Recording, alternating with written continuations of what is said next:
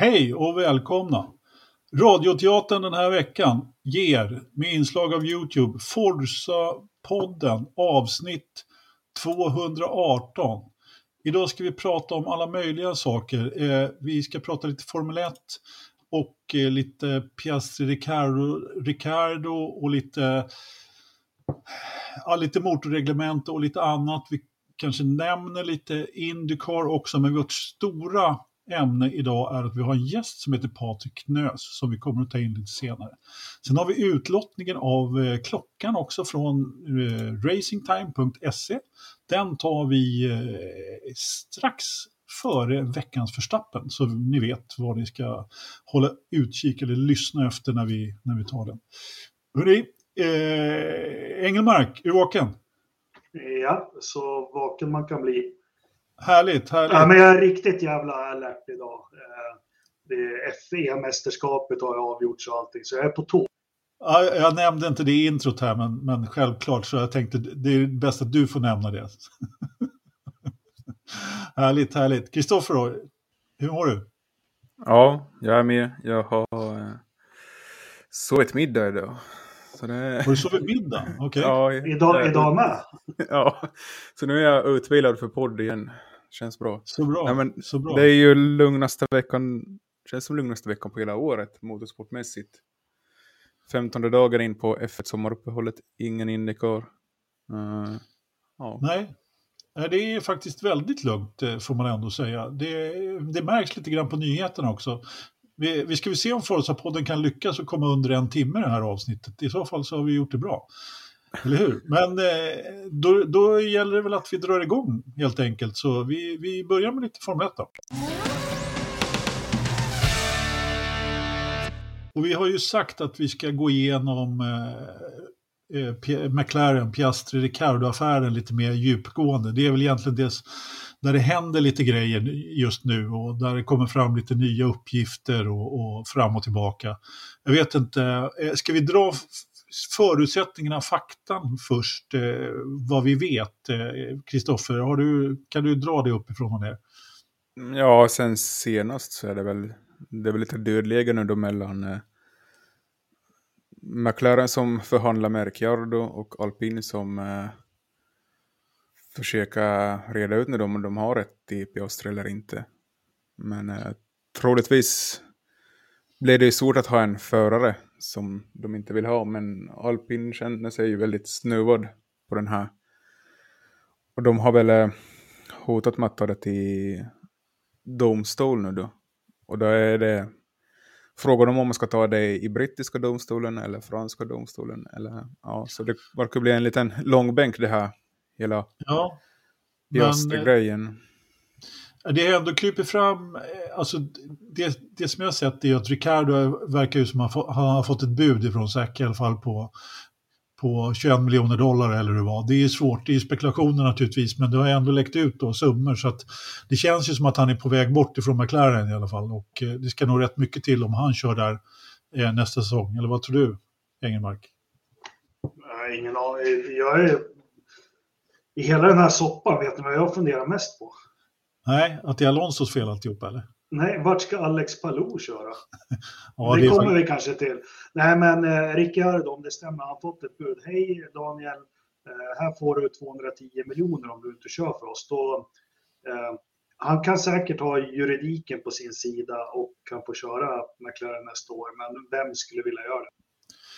Ja, men det lutar ju helt klart åt att han eh, tar pengarna och sticker. Liksom, det är precis som du säger, vem vill köra för någon stall som man inte vill ha en? Liksom. Så är det ju. Men eh, bara för att eh, gå tillbaka till själva kontraktssituationen så är det ju så att eh, Piastro har alltså eh, varit alpin junior eh, under väldigt många år. Eh, man har liksom lotsat fram honom och man har dessutom haft ett kontrakt då. Det, stor, det, det största problemet i den här härvan är att man inte att Piastri inte har haft ett kontrakt med Alpins Formel 1-stall, utan att han har haft ett kontrakt med Alpins juniorsatsning. Liksom. Och det gör också att stallet, eller att kontraktet inte är inskrivet hos eh, Formula 1 Recognition Board, eller vad fan den heter för någonting. Mm. Heter det Kristoffer? Ja, uh, det är ju FIA som har satt upp den här driver contract recognition board. Just det. Och den skapade man just för att kunna lösa Precis. kontraktssituationen mellan förare och F1-stall. Exakt. Och det gjorde ju då att när, de, när McLaren då skrev kontrakt med eh, Piastri så fick man ju alltså ingen, när, då får man ju liksom ingen konflikt där. Hade det, det här kontraktet varit registrerat där, då hade McLaren direkt sett att här var det en konflikt, eh, vilket alltså inte var då. Och eh, Mark Webber och hans team då, de har, har ju, som är Piastris agent. De, har ju helt enkelt hopp, de ville helt enkelt inte ta spåret med Williams i något år, då, som var alternativet till alpin då, eftersom Alonso skulle vara kvar. Och sen då när Alonso helt plötsligt drar Schaffnauer åt vid näsan liksom och bara tack och hej leverpastej, jag drar till Aston Martin. Ja, då, är, då finns ju den där platsen i alpin kvar som Piastri egentligen skulle vilja ha, men ja. Och så har han redan skrivit eh, kontrakt med McLaren och så står alpin där utan förare och annonserar honom fast de visste att han eh, eh, inte skulle vilja köra där. Och vad, vad säger vi om det då, Kristoffer? Ja, man har ju fått suga på den här karamellen lite nu. mm. en stund. Det känns ju väldigt... Eh, det känns ju fortfarande väldigt eh, vågat av Alpins management då, med Mark Webber i spetsen, att göra en sån här grej. Men man förstår ju deras situation också, eftersom man inte visste vad Alonso skulle göra. Nej, precis. Det är det jag säger. Så... Alonsos ja. fel alltihopa. ja, lite så. Men uh, sen vet jag inte varför uh, Andreas Sadel och Mark Webber, de har ju rejsat till lag när han jobbade för Porsche den här Sadel. Så de har väl de är ju liksom bekanta sedan tidigare. Det väl ja. Men äh, det jag inte förstår med, med Saki den här härvan, att man Piastri, man måste ju ha honom minst en multi deal också för att Webbe ska kunna våga göra den här grejen, känns det som. Ja, definitivt. Liksom två, tre år. Och det är där jag inte förstår. Saki när han liksom hört och få testköra, nu kom det uppgifter om Palou, vill liksom flytta tillbaka till Europa och köra F1. Och ja, det känns ju märkligt för dem också som liksom har testat Pato Ward också som har testat lite F1. Ja, alltså det här har ju varit Sax lite S i rockärmen. Eh, som han har spelat lite grann också för att eh, då eh, liksom få in eh, liksom de här förarna eh, på ett eller annat sätt. Vad han nu ska med alla förarna till, det vet jag inte. Hörta förstod vi ju då, det var inte, det var kanske inte så att han ville köra, att Hörta skulle köra för honom, utan det var lite mer att locka till någon sponsor då. då. Men ja, vi, vi, får väl se vad hela den här härvan hamnar ja. någonstans, men eh, jag, jag, vet inte riktigt. Eh, har du något mer att tillägga, Kristoffer? Nej, men som om vi ser, säger då minst två så är det ju som 2025 först vi kan få in mm. en McLaren Indy-förare och det är ju ganska långt ifrån. Ja, det är det definitivt. Eh, det, det, det, är ganska lång, lång tid. Vad, vad tror du, Engelmark, har eh, Piastri, jag menar, om man gör sånt här innan man ens har kommit in i Formel 1, känner du till något annat fall som, med någon som höll på att vela fram och tillbaka? Jag tänker på en viss eh, Jenson Button höll på att alla. Jo, där hade vi efter det var ju 2004 när han fick för sig att skriva på för Williams. Eh, och det ska han väl tacka sin lyckliga stjärna för att det inte blev något med den dealen. vi har ju lite andra med rookies så vi har ju det första så här riktiga äh, Första kontraktsbråket jag kommer ihåg, det var 1984 när Ayrton Senna skrev på för Lotus inför säsongen 85, trots att han hade ett år kvar med Toleman. Då fick han lite smäll på fingrarna faktiskt, för då blev han avstängd internt av Toleman ett lopp under 84. Eh, vi har ju även det berömda med Schumacher, att vad var det, has eller had, att det var den skillnaden i ett kontrakt som gjorde att han blev fri från Jordan efter ett lopp. Men nej, jag vet inte, jag är inte lika inläst som er. Jag, jag läser bara lite rubriker och så här. Eh, jag tycker Piastris management spelar jäkligt högt. Eh, på något vis så står de fast, de står sitt kast på något vis med McLaren. Eh, jag tror både Piastri och Mark Webber önskar att de hade lite mer is i magen den här situationen. Eh, Ricciardo, en hopplös situation. Eh, men, men återigen, jag satt och skrev lite här, men de har fyra formelsitsar. Ja, de har några Formel E-sitsar, men de har två i Indycar och de har två i... i Tre Indycar? Ja, en är ju ibland bara. Den tredje. den ska, ja, den men, bli permanent. Ja, men i alla fall, nu har de skrivit på, vad har de? De har Rossi, Felix, Perro, Palou, Norris, Ricciardo, Piastri. Ja. Ja. Då tänker jag så här, det är sju förare om, om fem stolar och två ska bort. Eh, den som ligger risigast till i allt det här, det är faktiskt Palou. Ja, det är möjligt. Det beror väl väldigt mycket på kontraktet där. Eh, Eh, på, på Indycar-sidan. Eh, helt klart. Ja, men... men, han har väl varit ganska tydlig med att han, han vill ju gå från Chip Ganassi, han vill köra Formel 1. Men vad tusan ska han köra nu? Ja, ja nej, men det finns ju ingen plats till honom i Formel 1. Annat än en, en, en uh, test, testförarroll. Liksom. men där har du lite... Ja, ja men sen, sen, sen, förlåt, vad sa du? Nej, jag tänker Kristoffer har väl lite koll på liksom det här rättsliga spelet mellan Palou och Ganesi, vad som händer just där. Ja, ska vi ta riva av det plåstret nu redan? Vi kan göra det på en gång, det är lika bra. Ja, ja det kom ju ut eh, lite dokument därifrån också, från den här domstolen. Uh, var det i torsdags förra veckan?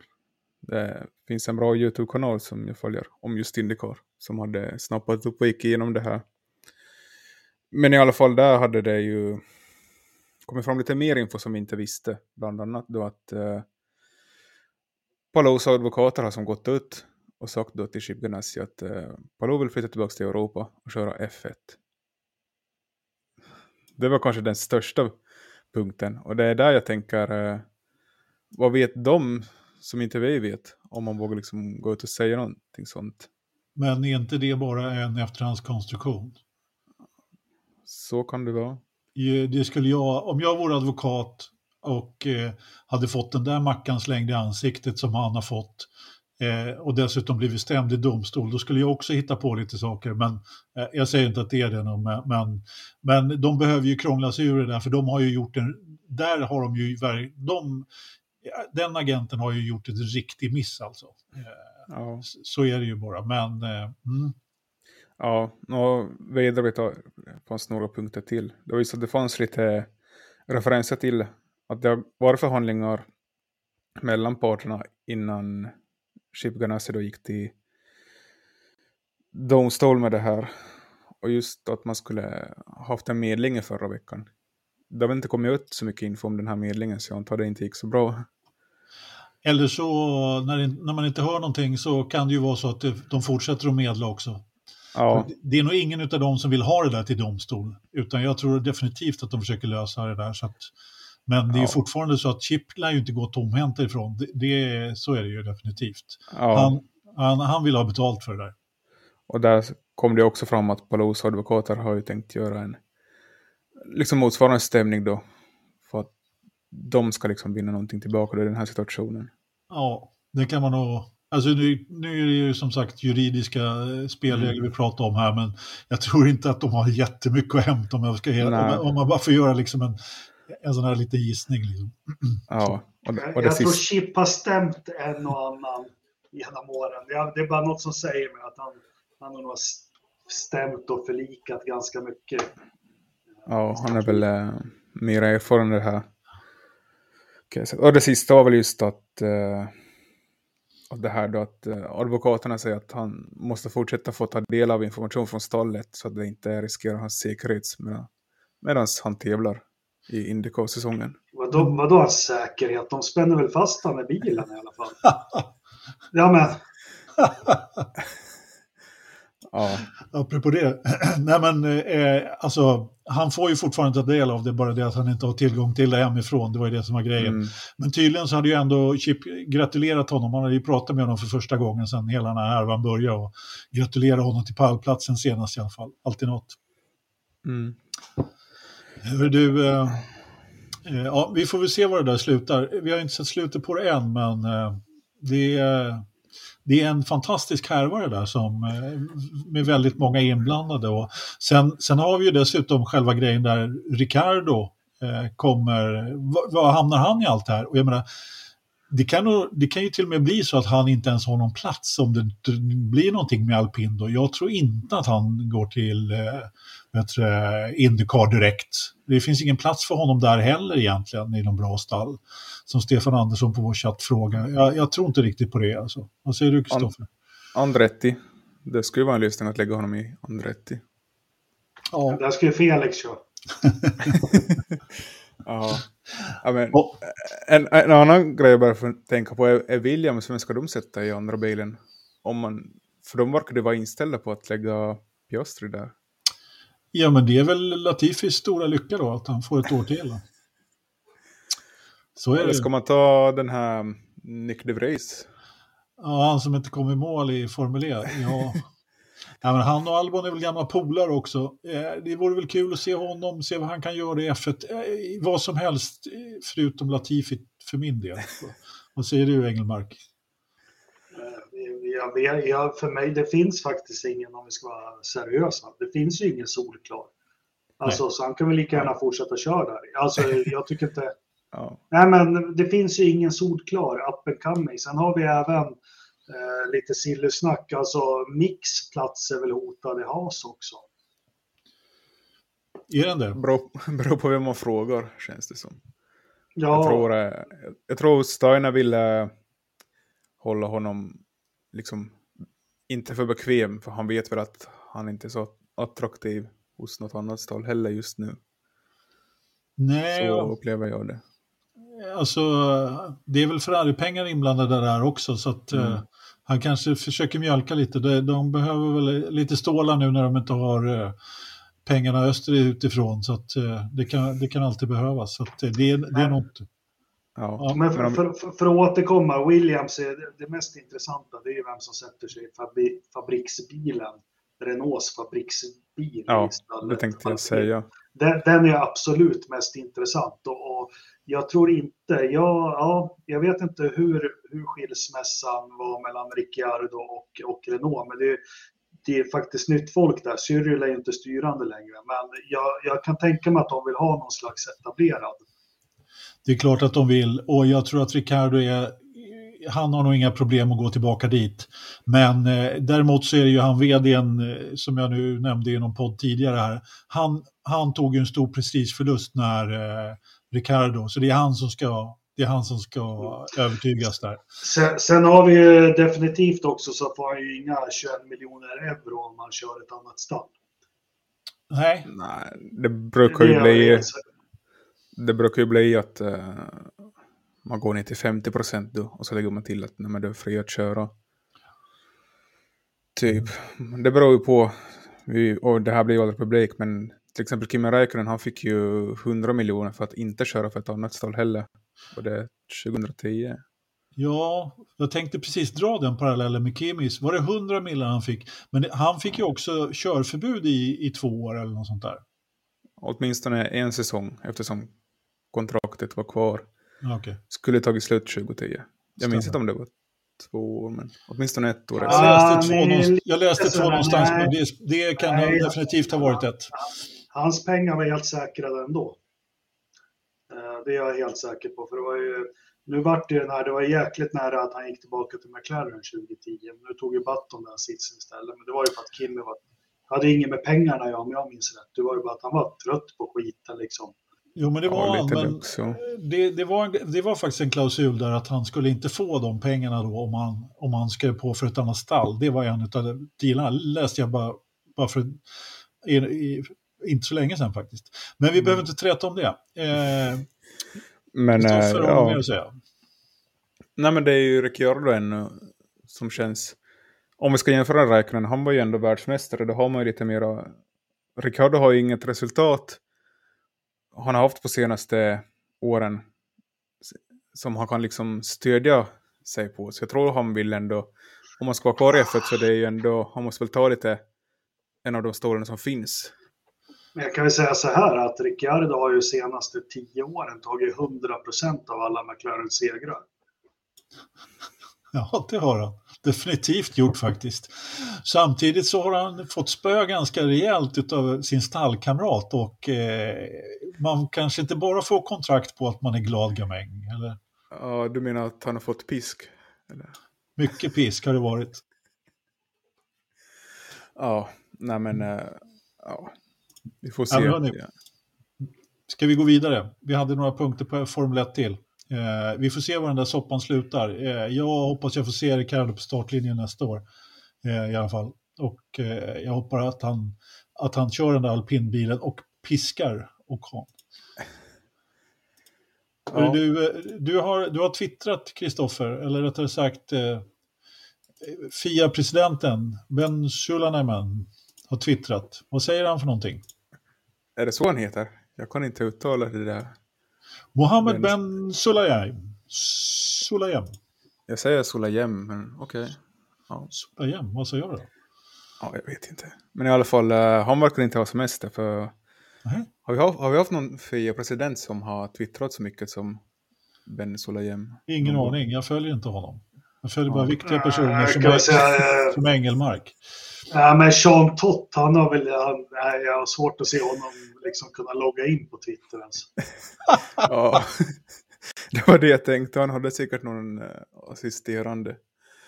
Men i alla fall, uh, förra veckan så släppte han tre tweets som är ganska intressanta, tyckte jag. Uh, det första var just det här att han skrev det 8 augusti. Han har diskuterat porpoising issue med alla 20 förra och 10 stall. Och han är glad att bekräfta att de har liksom uppdaterat 2023, alltså nästa års tekniska reglemente och skickat in dem till eh, World Motorsport Council förra veckan då för att få med de här. Ja, och sen kommer det en nyhet ut då om, med Gunther Steiner och säger att uh, han tycker det är helt onödigt att de här ändringarna kommer. Speciellt så sent på säsongen för många av stallen har ju redan börjat planera nästa års bil. Christian Horner var också en annan som, uh, som nämnde att det här kommer i lite i elfte timmen, de här scenförändringarna. Så de verkar inte riktigt överens. Fast... Har de någon gång varit överens? Ja. Jag menar, det, här är ju, det, här är ju, det här är ju som gjort för att det ska bli en sån här grej. Här måste ju Fia bara bestämma, så här gör vi. Så är det med det liksom. Sen måste de väl naturligtvis ha förankrat det hos stallen, men det finns, ju, det finns ju inte en fråga de senaste, jag kan inte komma ihåg hur många år, men som alla Formel 1-stall har varit ense egentligen. Nej. Det finns men, ju liksom inte. Att... Det känns ju lite som att uh ja, Fia gjorde ju precis som du sa, att Fia drog en gräns att här ska det vara nu. Och ja. Sex stallar som sägs vara emot det här beslutet. Men ja. ja. Nej, han har, inte gått, han har inte gått ut och bemött den här, eh, som jag delar, den här fruktansvärda intervjun med Hamilton. Där han uh, riktar sig jäkligt skarpt mot Fia, tycker jag. Vad var det? Vilken, vilken tidning var det? Eller tv-program var det Ja, du menar den här... Ja, det var någon amerikansk modetidning typ. Vanity Fair eller något sånt. Ja. Fan, läser du sånt, Engelmark? Nej, men den kom ju ut där och, och det kom ju i svensk media också. Han säger ju där, för att citera, att jag är motarbetad, de vill inte ha mig här. Eh, bla, bla, bla. Och var det mot Fia det? Ja, eller Liberty och Fia. Det var väl mycket med hans juveler i pungen eller vad han nu har någonstans. Som det visade sig att den inte hade. Så han hade ju bara trollat. Ja, det nej men det... Av allt. Ja, ja. ja. Det, snacka om paranoid, men ja. ja. Nej, Jag tror att det kändes det var i hela världen mot honom i den där artikeln. Jag, tolkade det inte som att han eh, egentligen kritiserade Fia där. Alltså, eller Liberty på det sättet. Men jag, jag kanske, ja. Ja. Blir... Nej men, äh, bara, ja, men avsluta det. Det var någon som skrev det så smart. För jag vet, jag har aldrig öppnat käften om en diskussion med piercing. Men jag, jag tror den dagen som Lewis kanske kraschar svårt och blir medvetslös tagen i helikopter till sjukhus. Han är nog jävligt glad när han ska in på magnetröntgen och sånt att han inte har en massa piercing överallt. Ja. Men det är, just den soppan är ju avklarad nu. Nu är de ju borta. Ja, ja. ja. skit Ja. Nej men, eh, ska vi ta nästa punkt då? Och det är det här att eh, de senaste 18 månaderna så har FIA-cheferna då jobbat hårt med alla stakeholders. Och hur man ska, jag vet inte ett bra svenskt ord för det. Men i alla fall för att skapa ny, create exciting new F1 Power Unit Regulations. Jag vet inte, exciting. liksom... Ja. Exciting, det är v, V10 och V12 med, med ingen begränsning på varvtal. Låt dem få bygga hur jävla många motorer de vill eh, på en säsong. Men begränsa bränslet. Ja, jag hoppas, du jag hoppas du skickar in det till World Motorsport Council. För de sitter nu och läser det de har skickat in nu då. Så det börjar ju närma sig att vi får ett beslut hur motorerna kommer att se ut då 2026. Ja, det skulle ju vara, vara klart hur länge, så, för hur länge som helst. Ja, eh, ja. ja, i april och i maj och juni, ja. juli. Och... Ja, men, men, men, ska, vi, ska vi ta den kort om motorerna? Liksom? Ja. Eh, och, och, om, man, om man djupdyker i det här reglementet som är nu med hybridmotorer. Eh, alltså, det som aldrig kommer fram, som de har misslyckats fatalt med, det är hur otroligt häftiga de här. Vi, vi som läser lite Teknikens Värld och läste Car på 80-talet, eller hur Anders? Ja. Svensk biltidning Car. Uh, ja, men vi vet ju att Formel 1-motorerna kommer upp i en verkningsgrad på över 50 procent vad Mercedes mm. Det är helt jävla otroligt. Alltså det är mm. helt sinnessjukt. Och det, det är någonting. Men det, det, det, är ingenting som, som man har lyckats marknadsföra eller på något vis. Uh, så därför tycker jag, vill man ha ett spännande motorreglemente, alltså skippa allt det här för det, det, är en fantastisk teknik med MGUHK eller MG, allt vad det heter. Och batterier som laddas och hej och Men när vi som följer sporten inte förstår ett skit av hur man använder det här, hur det nyttjas eller någonting, så blir det inte spännande och inte ballt. Så därför lite back to basic, eh, kör sugmotorer, låt dem få använda lite mer motorer för det är inte det som bränner på miljön eller pengar. Eh, bygger bygg jävla många V10-motorer ni vill på ett år, men begränsa att ni måste få de här att klara sig på 100 kilo soppa eller något sånt. Ja, ja men eh, ja, alltså, problemet med det det är ju att det, då blir det en Indycar-serie utav det. Då är de ju inte som de, som de kallar det, road relevant. Och med fler eh, liksom, märken som kommer in i Formel 1 så vill de ju fortfarande ha den här. Jag, jag håller med dig. Till Fast de, de, kan, ja, jo, men de kan ju inte, det är det de har misslyckats med sedan 2014. Att ja, förklara det här road relevance för oss. Vänta. Liksom, ja. ja. men det var precis det jag skulle komma till. Att det, de har ju, det, det är precis det de har misslyckats med, liksom, att förklara det. Men det är fortfarande så att de vill tala om att de har tekniken eh, i Formel 1-bilarna. Eh, när de, när de säljer, ja, men om Porsche kommer in till exempel nu. Så, men det är precis som du, du har helt rätt där, att man har förklarat det för väldigt dåligt eftersom man inte får se batterinivåerna överhuvudtaget och ingenting sånt där. Men eh, alltså jag blir inte ledsen om de går tillbaka till sugmotorer, men det kommer ju inte att hända. Det vet ju vi alla tre. Liksom. Så att, eh, men men återigen, på amerikansk racing. Liksom. Vad får de ut? De får ut 1000-1100 hästkrafter. Ja, när batteriet är ja. Och senast vi fick det Race Trim, det var ju 86 kanske innan de ströp turbotrycket. Ja, med kvalmotorerna. Ja, de kör, ja, med kval ja. Men ja, vi leker med tanken att de fick ut en race också eller hade det tillgängligt. Skitsamma, då behövde de 250 liter bensin för att klara ett lopp. Uh, alltså, och, och, och, det är det här man har misslyckats med. Nu, nu får man samma effekt och häftiga prestanda, men man använder liksom 35 procent av bränslemängden. Ja, vi får se hur det blir med det. Mm. Vad jag har hört... Så igång. Ja, det är bra.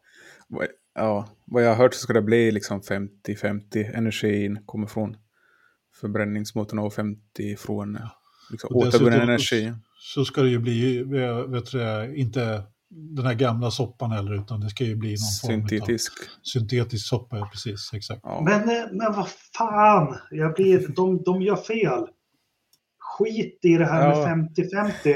Se till att planen, lastbilarna, båtarna som allt det här jävla åker runt på ett år kör 50-50. Det gör mycket mer avtryck för klimatet än...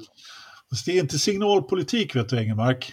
Det är Nej, inte men som ni fattar, du, syns. ni, Det ni fattar vad jag menar. Att, Ja, jag förstår precis vad du menar. 20 bilar kör varannan helg i tre timmar, 50-50. Ja, Ja, det är skitbra, men det ska vara mycket bättre om bara vi kör flyg som går på biobränsle, båtarna, ba, ba, ba. Eh, alla våra lastbilar som vi kör i Europa, de går på 50-50. Det är liksom där, det är där man skapar att klimatavtrycket blir- Absolut, blir fast det är ingen som ser det. Det är ingen som ser det. Vet du. Så det, det, det är Nej, men marknadsför det. Liksom, sätt Ja. lite krav på, på, på partners och sånt också runt omkring. Eh, alltså, jag, jag tänker ofta på det, det är skitbra hybridmotorer, men säg Mercedes och, eh, och eh, Ferrari och Aston Martin, vi säger, hur jävla många bilar har inte de runt ett Grand Prix som sponsorer och förare och allting får åka? Jo. Kör dem på helel. Absolut. Ja, men förstår ni vad jag är ute efter? Ja, oh, ja, ja, Ja. absolut. Det, är- det är så knepigt. Ja. ja, men det är det definitivt, därför att det är inte helt lätt. Eh, men ja, vi får se. Eh, Ja. Nu ska vi inte hålla på och diskutera miljöaspekterna, utan nu ska vi gå vidare, Kristoffer. Hade du något mer på F1? S- säger Anders och, och tankar på oljepannan bakom sig. Ja, exakt. Nej, men jag är ju den enda som kör, in, inte kör en elbil i den här podden. Så. Eh, Nej, precis. jag kör inte el. Det gör du visst det. Du, jag, jag har sett Nej. bild på din... e- Ja, nu kör du... Ja, men Opel då. Ja, Du har i alla fall en blixt i fronten. Din fan vad kör- bra den är. Du kör, din fru kör elbil. Du, räk, du får Ja. räknas då. Vet du Ja, att det ja. faktiskt är tyska statliga ergonomi för, eller bolaget som gör sätena. Eh, vi- vi tar det off podsen. Eh, vi snackar ju säten du och jag Anders. När vi, Ja, ja precis. Ja. precis. Jag har ju Ja, vi måste, bil för att jag inte kunde sitta i den förra. Ja, vad sa du Kristoffer? ja, vi måste fortsätta nu innan lyssnarna tröttnar. Trött- Eh, Tröttnar, tror du det?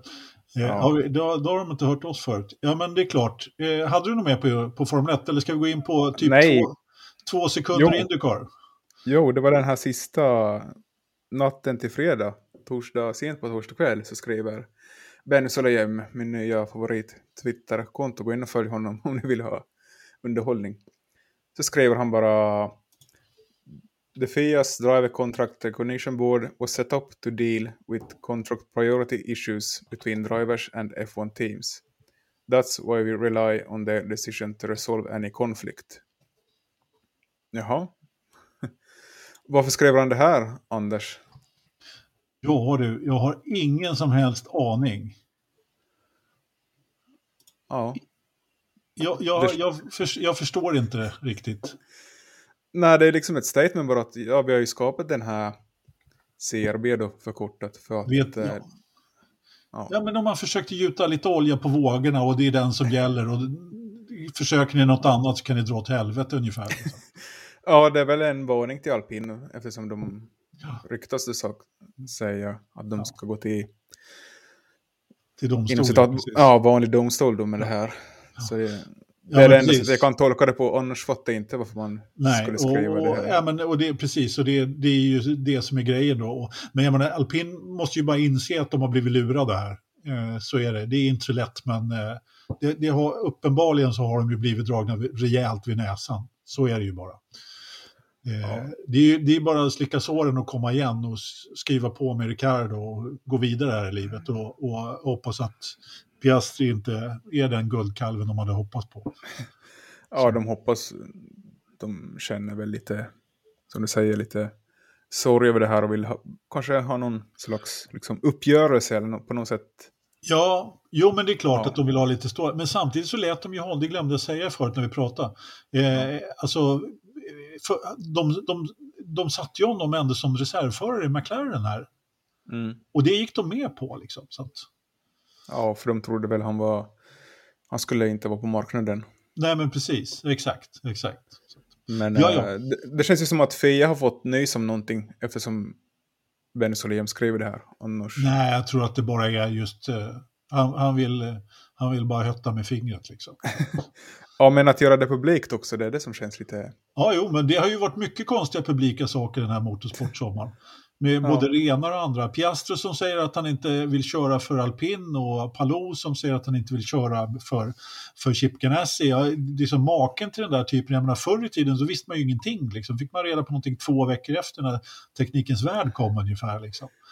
Det, det var ju, då hade man ingen, ingen koll överhuvudtaget. Liksom. Ja, men det var ju en bättre tid då man slapp sitta upp tidiga morgnar och sena kvällar och läsa tweets. Ja, det var ju jobbigt. Det. Dra en uh, Indycar-jingel nu.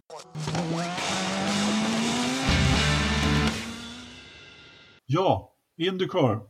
Det blir ju faktiskt lite Indycar till helgen va?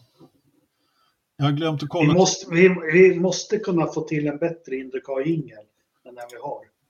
Jaså? På något, ja, något du, du, du, du, åt det hållet. Något du får spela in den Jakob, så kör vi den istället. Ja, ja. Eh, ackompanjerad av eh, Will Powers eh, dubbelfingrar, eller, eller hur? Precis. Ja. Eh, det ska köras, eh, vad hette loppfanet? De har ju alltid sådana fina namn. Bomarito Automotive Group 500 på Worldwide Technology Raceway. Fick jag allting rätt nu? Vänta, vad var det den hette förut? På Gateway. Gateway, ja precis. Uh, vart ligger det någonstans, Anders? Illinois. på gränsen. Ja, man tar sig dit. Man, man, man, man flyger till Chicago faktiskt, som också ligger i Illinois. Och så tar man ja, men var fan ligger Illinois? Nej, men det ligger ju där i botten på Stora sjön som pekar neråt ungefär. Man kan faktiskt åka, ja precis. Det är tre sjöar. Så, och så den som pekar neråt. I botten på sjön där det ligger Chicago. Och Indy City, typ. Ungefär, cirka. Med, med, med lite reservation för, för en viss förflyttning med Detroit. Ja, skitsamma, ja, ja, ja. Eh, ungefär så. Eh, om vi vill ha mer geografistudier så måste vi upp en karta. Men eh, den här World Wide Technology, den, den ligger precis på gränsen egentligen till eh, St. Paul där med den här archen som är ganska känd.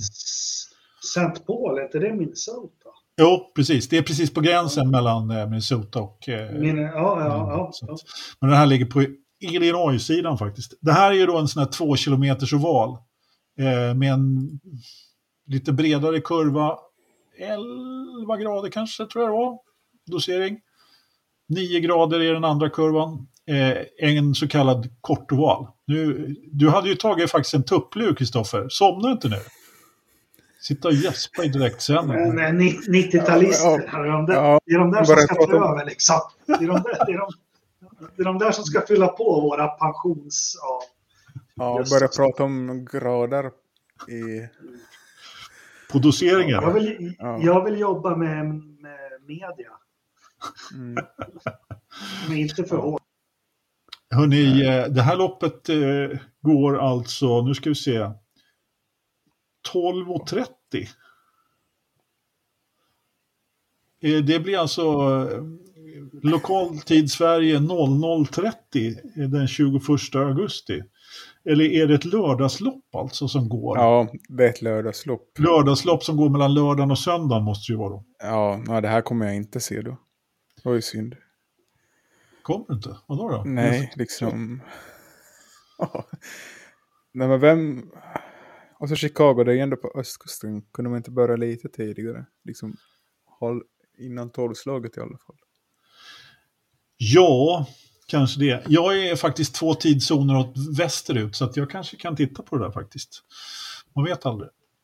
Man vet aldrig. Hörrni... Eh... Men jag försöker leta nu på, på eh, internet Okay. Ja, men, ja, men, nej, men, man är ju jävligt tänd liksom eh, på Marcus och mästerskapet. Det har vi pratat om. Ja, men för... Förra året. Han kom ju nia förra året.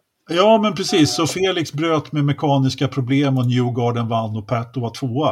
Eh... Precis, men jag vill ha racen innan. Hur det har gått 2019 för dem. Det... Ja, men det berättade jag för dig för en, här i en podd lite tidigare, ja, förstår du. Okej, okay. ja, förlåt. Om du, inte, om du inte kommer ihåg, jag kan ta fram den här. Jo, jo, för fan jag minns.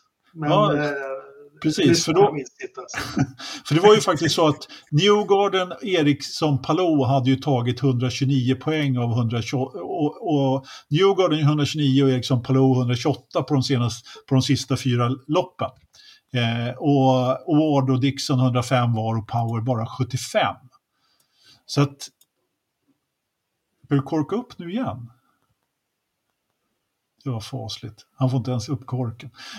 Så att man kan väl säga att det är lite fördel för alltså Newgarden då som, som körde, som då vann förra året och verkar ha en eh, bra run eller vad det heter. Eh, Scott kom ju fyra där förra året också. Ja, att, men Scott, eh, Scott kan göra vad som helst. Bara han ja, vill. definitivt. Och Dixon kraschade förra året har jag för mig. Som är också med nu i titelkampen. Så, ja jag, på tal om Indycar, jag måste bara, den har gått mig förbi helt, men The Race har ju en uh, Indycar-podd också, visst ni om mm. Med, vad heter han? Jack Benjon. Hildebrand. Ja. J.R. Hildebrandt. Ja, uh, och jag uh, uh, lyssnar kapp på ganska många avsnitt och, och otroligt bra lyssning. Initierat och bra. Ja. Hildebrand som var på väg in i Formel 1 nästan. Lyssna på Forza-podden. Vi tipsar om andra konkurrerande poddar. Hela mm. tiden. Ja, ja fan. Ja, eh. men äh, Anders, kan du förklara för mig? Jag kollade för två år sedan så körde man två race på denna bana. Ja. Och 200 var. Ja. Och nu kör man alltså ett långlopp. Då. Ja, men det var väl corona, det var väl en av banorna de körde som fan på. Ja, Eh, de gillar ju dubbelmackor till Kristoffer dessutom. Det är ju så. Eh, men då, det är ju ofta så, jag menar förra helgen, eller förra loppet då på, ja nu tappar jag namnet på den, Ohio. Eh, nej, vad fan heter den? Iowa. Då, då hade de ju också liksom en ny sponsor och körde i en jättehelg och då vill de ju få ut max av det. Och precis som Jakob säger så var det ju lite corona här och då hade de ju problem med att få ihop, eh, få ihop ta, äh, vet du, liksom, ja. säsongen helt och hållet. Så då körde man ju där man kunde i stort sett. Okej, okay, men, men, men, ja. men, men, men, he, men, men, heter den, den heter 500, men det är 325 miles. Ja. 500 varv. Det är precis. 260 varv.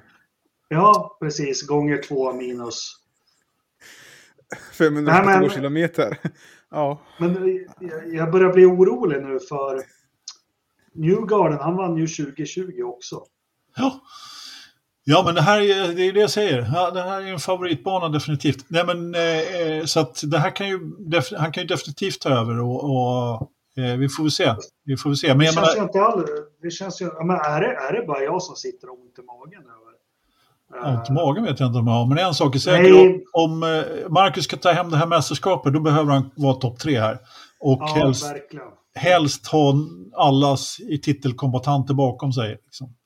Eh, jag menar, vi har ju en kille till som kan den här banan utan och innan och det är ju Takuma Sato. Han brukar också köra bra här.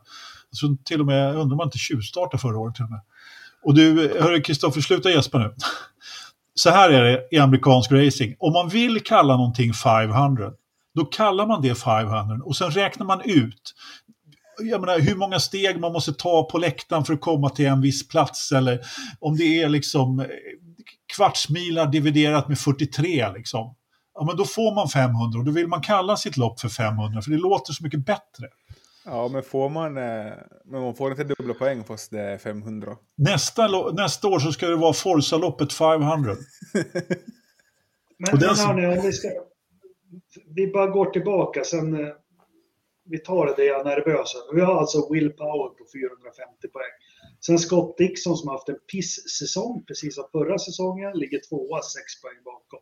Sen har vi Marcus 12 poäng och vi vet ju det här med, med, med poängen i Indycar. Liksom, vi säger ja, men topp top 4 då, så säger Will Power 450 och Josef Newgarden 428. Det är ingenting. Kan vi enas om det? Det är ingenting. Nej. Nej. Uh, och uh, Ja, jag skulle inte säga att Marcus behöver en topp tre, men han behöver komma före Will Power, Scott Dixon och Newgarden. Ja, Och ska han göra det, det så måste han vara etta, två eller trea, för, för någon av de där kommer ju vara där uppe. Fast det är helt sjukt när jag kollar statistiken. Återigen, det, Ternström har ju alltid eh, berättat vad som gäller Indycar. Han har ju rätt. Det är ju liksom, vinster är bra, men vad, du måste vara topp 5, topp 10 hela tiden. Ja, helst topp 5. Ja, och kollar man på tabellen så är den ju liksom, ja men Will Power, han ja, det har gått mig helt förbi. Han har varit topp 5 i 10 lopp. Ja. Har ni, har, har ni insett det? Och, ja, och dessutom så har han kvalat skitdåligt. Det är ju det som har varit hans problem och han är ju annars kvalkungen. Liksom. Så att, eh, ja, alltså, jag, vet, jag kan i alla fall inte komma ihåg något Indycar-mästerskap som har varit så här tajt. Det kanske är för att man är uppe i det mitt nu och Marcus är där också. Men jag kan inte komma ihåg. Det har varit tajt mellan två förare och mellan tre förare ja, kanske. Fan, men jag minns ju med vrede 01 när Kenny körde bra i Real. Eh, var det Castroneve som tog titeln då till slut? Ja, eller? Det kanske var. Jag kommer bara ihåg att Max Pappis förstörde för Kenny så att han inte fick det, så att han inte tog det. Ja. Nej, men jag är i alla fall laddad på, på eh, att Marcus ska vinna. Bomarito 500. Det är jag med, definitivt. Eh, det ska bli... Eh, jag ser lite fram emot oval igen faktiskt. Det här är ju en annan kommer antagligen bli en annan typ av tävling, men ja, vi får se.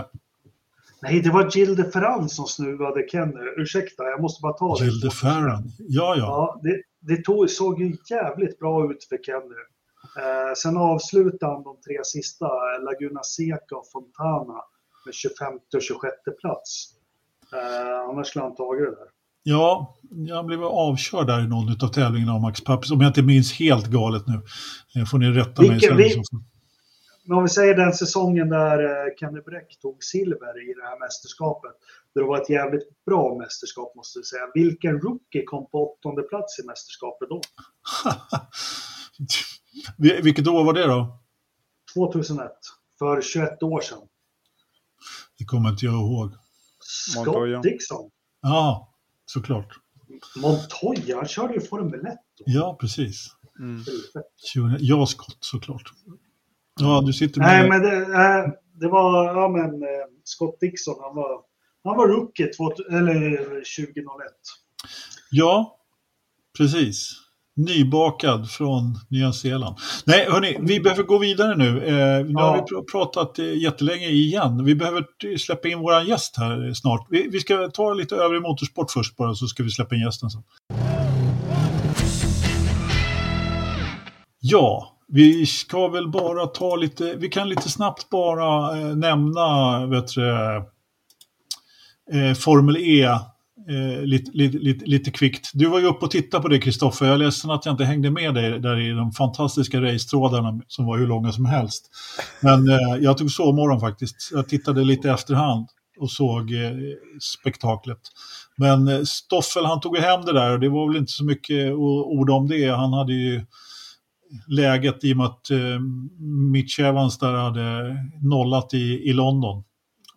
Ja, och så kvalade han ju inte ens topp 10, Mitch Evans. Så det var ju nej, lite... sista loppet nej. Han startade 13 ja. Mm. Ja, så det var... Men det var ju en blöt tillställning på lördagen som gav en väldigt märklig incident på det, ett av de inledande varven. Det var första varvet. Nej, det var inte första varvet. Det var det som var ännu märkligare. Jo, liksom... det var första varvet.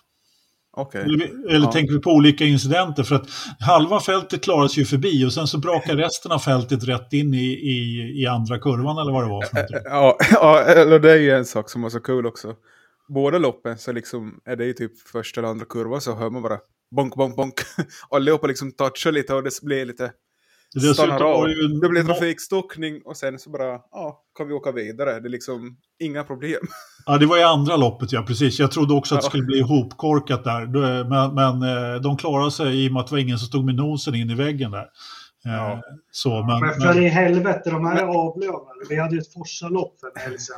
Det är precis samma jävla, och vi körde på slicks också. Ja, det såg äh... inte ut sådär i Nej, det gjorde det faktiskt inte. Och jag håller med dig Engelmark, för det var, det var, det var fan dåligt att åtta förare eh, laddar rätt in i väggen. Jag menar, förra gången det var sån här riktigt karambolage, eh, det var väl, nu ska vi se, det var inte London, ah, skitsamma. Eh, det var... I New York. New York, precis, när det regnade där. Eh, då avbröt de ju faktiskt loppet, för det var ju, då hade de ju en kamera där och så var det någon stackare som lyckades ta den där jävla chikanen och så såg man i bakgrunden bara fjom, fjom, fjom. Och det var lite samma här. Ja, men grejen var den att då, då var det så att då var det precis i slutet på loppet, det kom en rejäl skur. Om du tittar på däcken då så hade de bara slicks kvar i stort sett. De var ju helt slitna de här däcken. Jag menar, nu körde de i starten, de, det var blött, de hade liksom fräscha däck. De har ju inte regndäck i Formel 1 utan kör på sina standarddäck. Liksom. De hade mönster kvar i däcken, ändå liksom, så är det liksom halva fältet som brakar rätt in i väggen. Men, men minns ni inte Nu börjar ring 2007? Eh, när Winkel och eh, gjorde debut och ledde Marcus. Biker. Ja, precis. Och är han son till Manfred? Ja, det är han. Han nej, ja, nej, Manfred dog ju. Nej, ja. han måste vara till Manfreds brorsa. Du får googla det där under tiden. Jag har precis för mig ja, men skitsamma. Ty Tyskland, Tyskland, hade, Tyskland hade ju en eh, jätteperiod på gång med Manfred Winkelhock och Stefan Belloff. 1985, men de dog inom loppet av en månad. Skitsamma. Eh, men då hade vi samma där i start och mål. Då kom det 15 Formel 1-bilar och bara zoom, zoom, zoom, zoom, zoom. Eh, rakt av. Eh, jag kommer ihåg att jag satt vid tvn då, otroligt uppretad att de lyfte upp Hamilton på banan Exakt. med lyftkranen. Ja, det, var, det får man inte göra efter det. det. Nej. Nej, och Mercedes hade ju då, de var ganska ensamma om det. De hade ju något om bilen stod still så kunde de gå ner på fyra cylindrar så den inte skulle kunna bli överhettad. Det var också ja. en grej. Men, ja. Får vi komma tillbaka till Formel 1 nu då? Men Skalberg gillar ja, det. Jag har fått många lyssnare som gillar när jag drar sådana där historiska tillbakablick. Ja. vänta lite. Men, vänta men, lite. Äh, jag tyckte det, det bästa var i Formel E att uh, först var det Sebastian Buemi i sin Nissan som åker rakt. Och och sen kommer Nick de Vries åka rakt under honom så han liksom hamnar ovanpå Halon. Det var ja, det men precis. Märkligt. Jag, jag fattar inte hur det gick till. Ja, men de är ju byggda som en pil den där, så att han, eh, han kilade in sig under bara. I, i vilket fall som helst eh, så var det en väldigt märklig tillställning. Jag, jag försökte ja. bara lägga till det att eh, herr, eh, herr Winkelhock, han, han ledde väl det där loppet eller låg tvåa. Yes. Eh, Nej, han, han, gick in och tog andra däck och så precis, var det en omstart och röd flagga. Det Exakt. var häftigt. Ja, och, ja. och eh, Marcus pappa heter Manfred. Så hade vi rätt ut det. Ja, men i alla fall. Mycket märkligt att du kan liksom skopa upp en Formel E-bil sådär på taket bara. Ja, det var ju några som, som kunde fortsätta där i alla fall. Eh, så var det. Ja, Definitivt. men eh, tur att han hade en Halo som skyddade honom.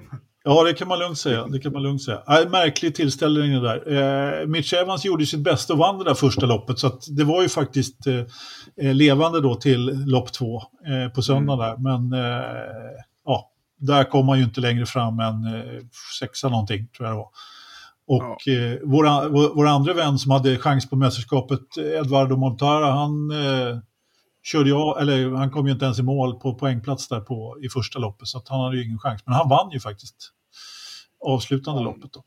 Ja, och i avslutande loppet så krockade ju Nick de Vries in i Pascal Wehrlein. Ja. Varav Pascal ropar över radion I hope he doesn't get to F1. Eh, Pascal Wehrlein är ju en otroligt ocharmig person. Eh, lite Pat Ward-vibbar på honom. Alltså det finns ingen som jag, alltså jag, det är inte så att jag ogillar Pascal Wehrlein så, men är det någon som jag hejar på minst av alla, och då ska vi, så är det Pascal Wehrlein, och då ska vi ändå tänka på att då har vi en kille som heter Antonio Giovinazzi i det där fältet. Som inte men, körde. Han, han, är inte, nej, nej. Han körde inte. Eh, han har inte gjort någon något ord. Eh, det är lätt att göra sig rolig för mig eh, med den eh, ståndpunkten som jag har över Formula E och Stoffel van Dorm. Eh, men jag lyfter ändå på hatten för en mästerskapsseger är en mästerskapsseger. Och den kräver fan lika, lika mycket i om det är så är STCC eller Formel E. Eller GP2 eller Formel 1. Så hatten av för van Dorn. Absolut, verkligen, verkligen. Kul att han fick vinna något. Nej, men, nu vill jag ändå. snacka med Patrik. Ja, men alltså, vi, precis. Från Formel E till lite mer stötstångsmotorer och sånt. Eh, lite, lite, lite annan. Vi ska prata Nascar. Patrik, är du här? Jag är här, hör ni mig? Härligt, ja, härligt. Vi hör dig. Äntligen, äntligen. Vi pratar lite vettig motorsport, eller hur? Ja, men precis. Ja. Men innan vi går över på Nascar så vill jag ändå säga att vi hade ju rallycross VM-premiär i Norge och där vann ju Johan Kristoffersson. Ja, precis. När vi ändå var inne på elbilar. Det var bra att du sa det, för det står faktiskt i vårt körschema att vi skulle tala om det också. Eh, och när vi var inne och på el så var det... kom tvåa. Jajamensan. eh, I häll körde de. Jajamensan, helvete. Passar, passar ganska bra faktiskt. Eh, alltså, är det någonting som passar bra för rallycrossbilar så måste det ändå vara Nej du Magnus, som säger på chatten, vi glömde inte rallycrossen, ja, för Patrik påminde oss. Så, så, det är så. Är det någonstans där de passar bra de här elmotorerna så är det ju det här med korta hit och, och liksom enorma accelerationer och hela det. Det är ju liksom de här grupp B-bilarna igen. Så att, eh, ja, jag, jag, jag tycker det är helt rätt faktiskt. Vad säger du Det är de här Grupp B-bilarna igen. Ja. Fan, liksom. De ljudlösa Grupp B-bilarna, ja, har ni inte sett? Precis. ja, hur många, hur många hästar får de ut ur de här nya nu? Två.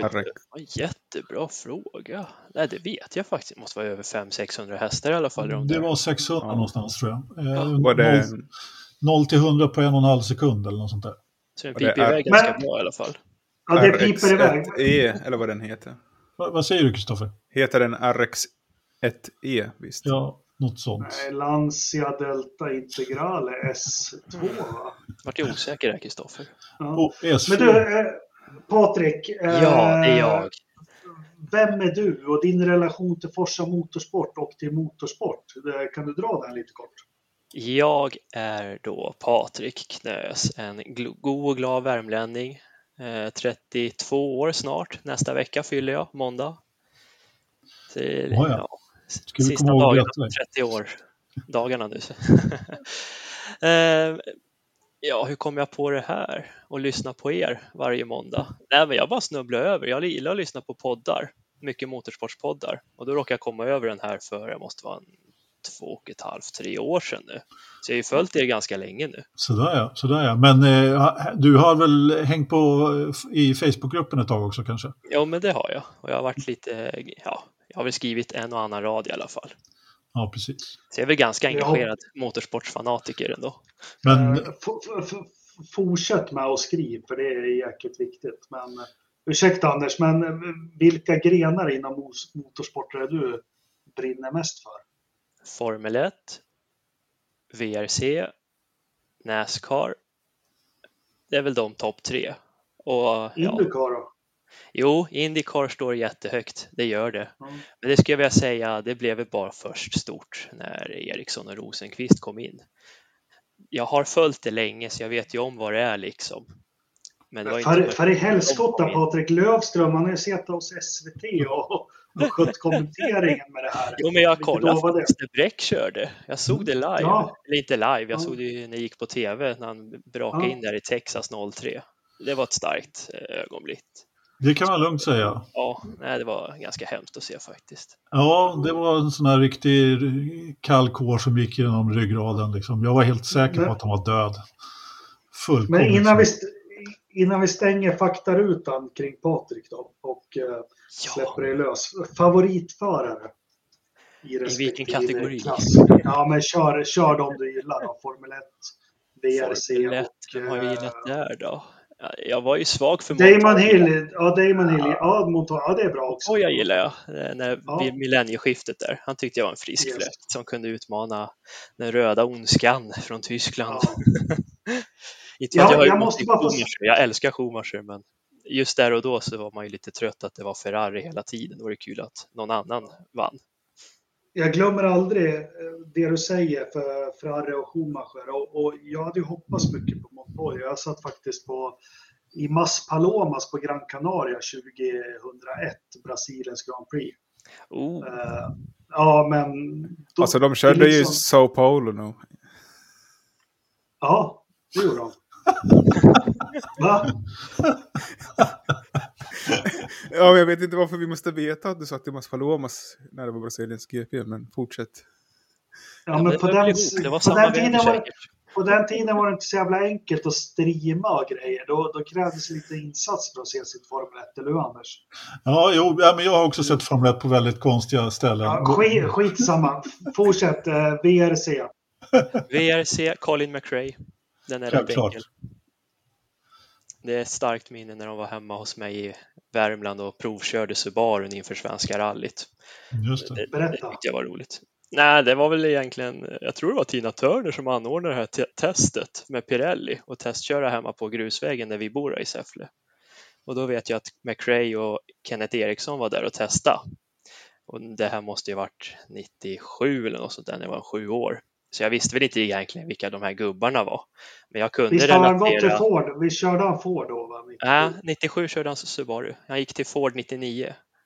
99 var det? Ja. Så 97 var det Subaru och då var det ett Pirelli-test där. Men det, jag visste inte vem han var då, men jag kunde ju relatera till hans eh, dataspel, Colin McRae Rally och så kunde jag ju se den här blå bilen på TV. Så det var väl egentligen där det spann iväg, mitt intresse för bilsport. Snabb, snabb fråga, hur rankar ja. du Richard Burns? Richard Burns? Ja, den är svår. Den, den är, är jättesvår. jättesvår. När han körde ja. Subaru var han klockren.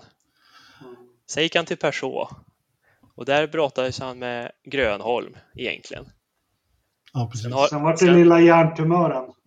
Ja, så han fick ju aldrig riktigt blomma ut där. Han hann inte ens köra klart säsongen 2003. Alltid hävdat att Richard Burns är VRCs kvalificerade medelmåtta nämligen. Men, eh, en, en Heikki Kovalainen. en anonym men väldigt skicklig förare. Ja, han är, han kan, man kan ju säga att han är Newgarden. Han är där bak och plockar poängen och så har han titeln. Ja, oh, det är sant. Det är sant. Så är det. det är favoritförare i, i den största serien av dem alla då? Nascar? Matt Kenseth. Men nu är ju pensionär, men han var Matt. min favorit. Okej. Okay. Okej, okay. ja, jag är bara ledsen att Travis Pastrana inte fortsatte. Eh, men... Eh, har han kört Nascar, på att säga? Jajamensan.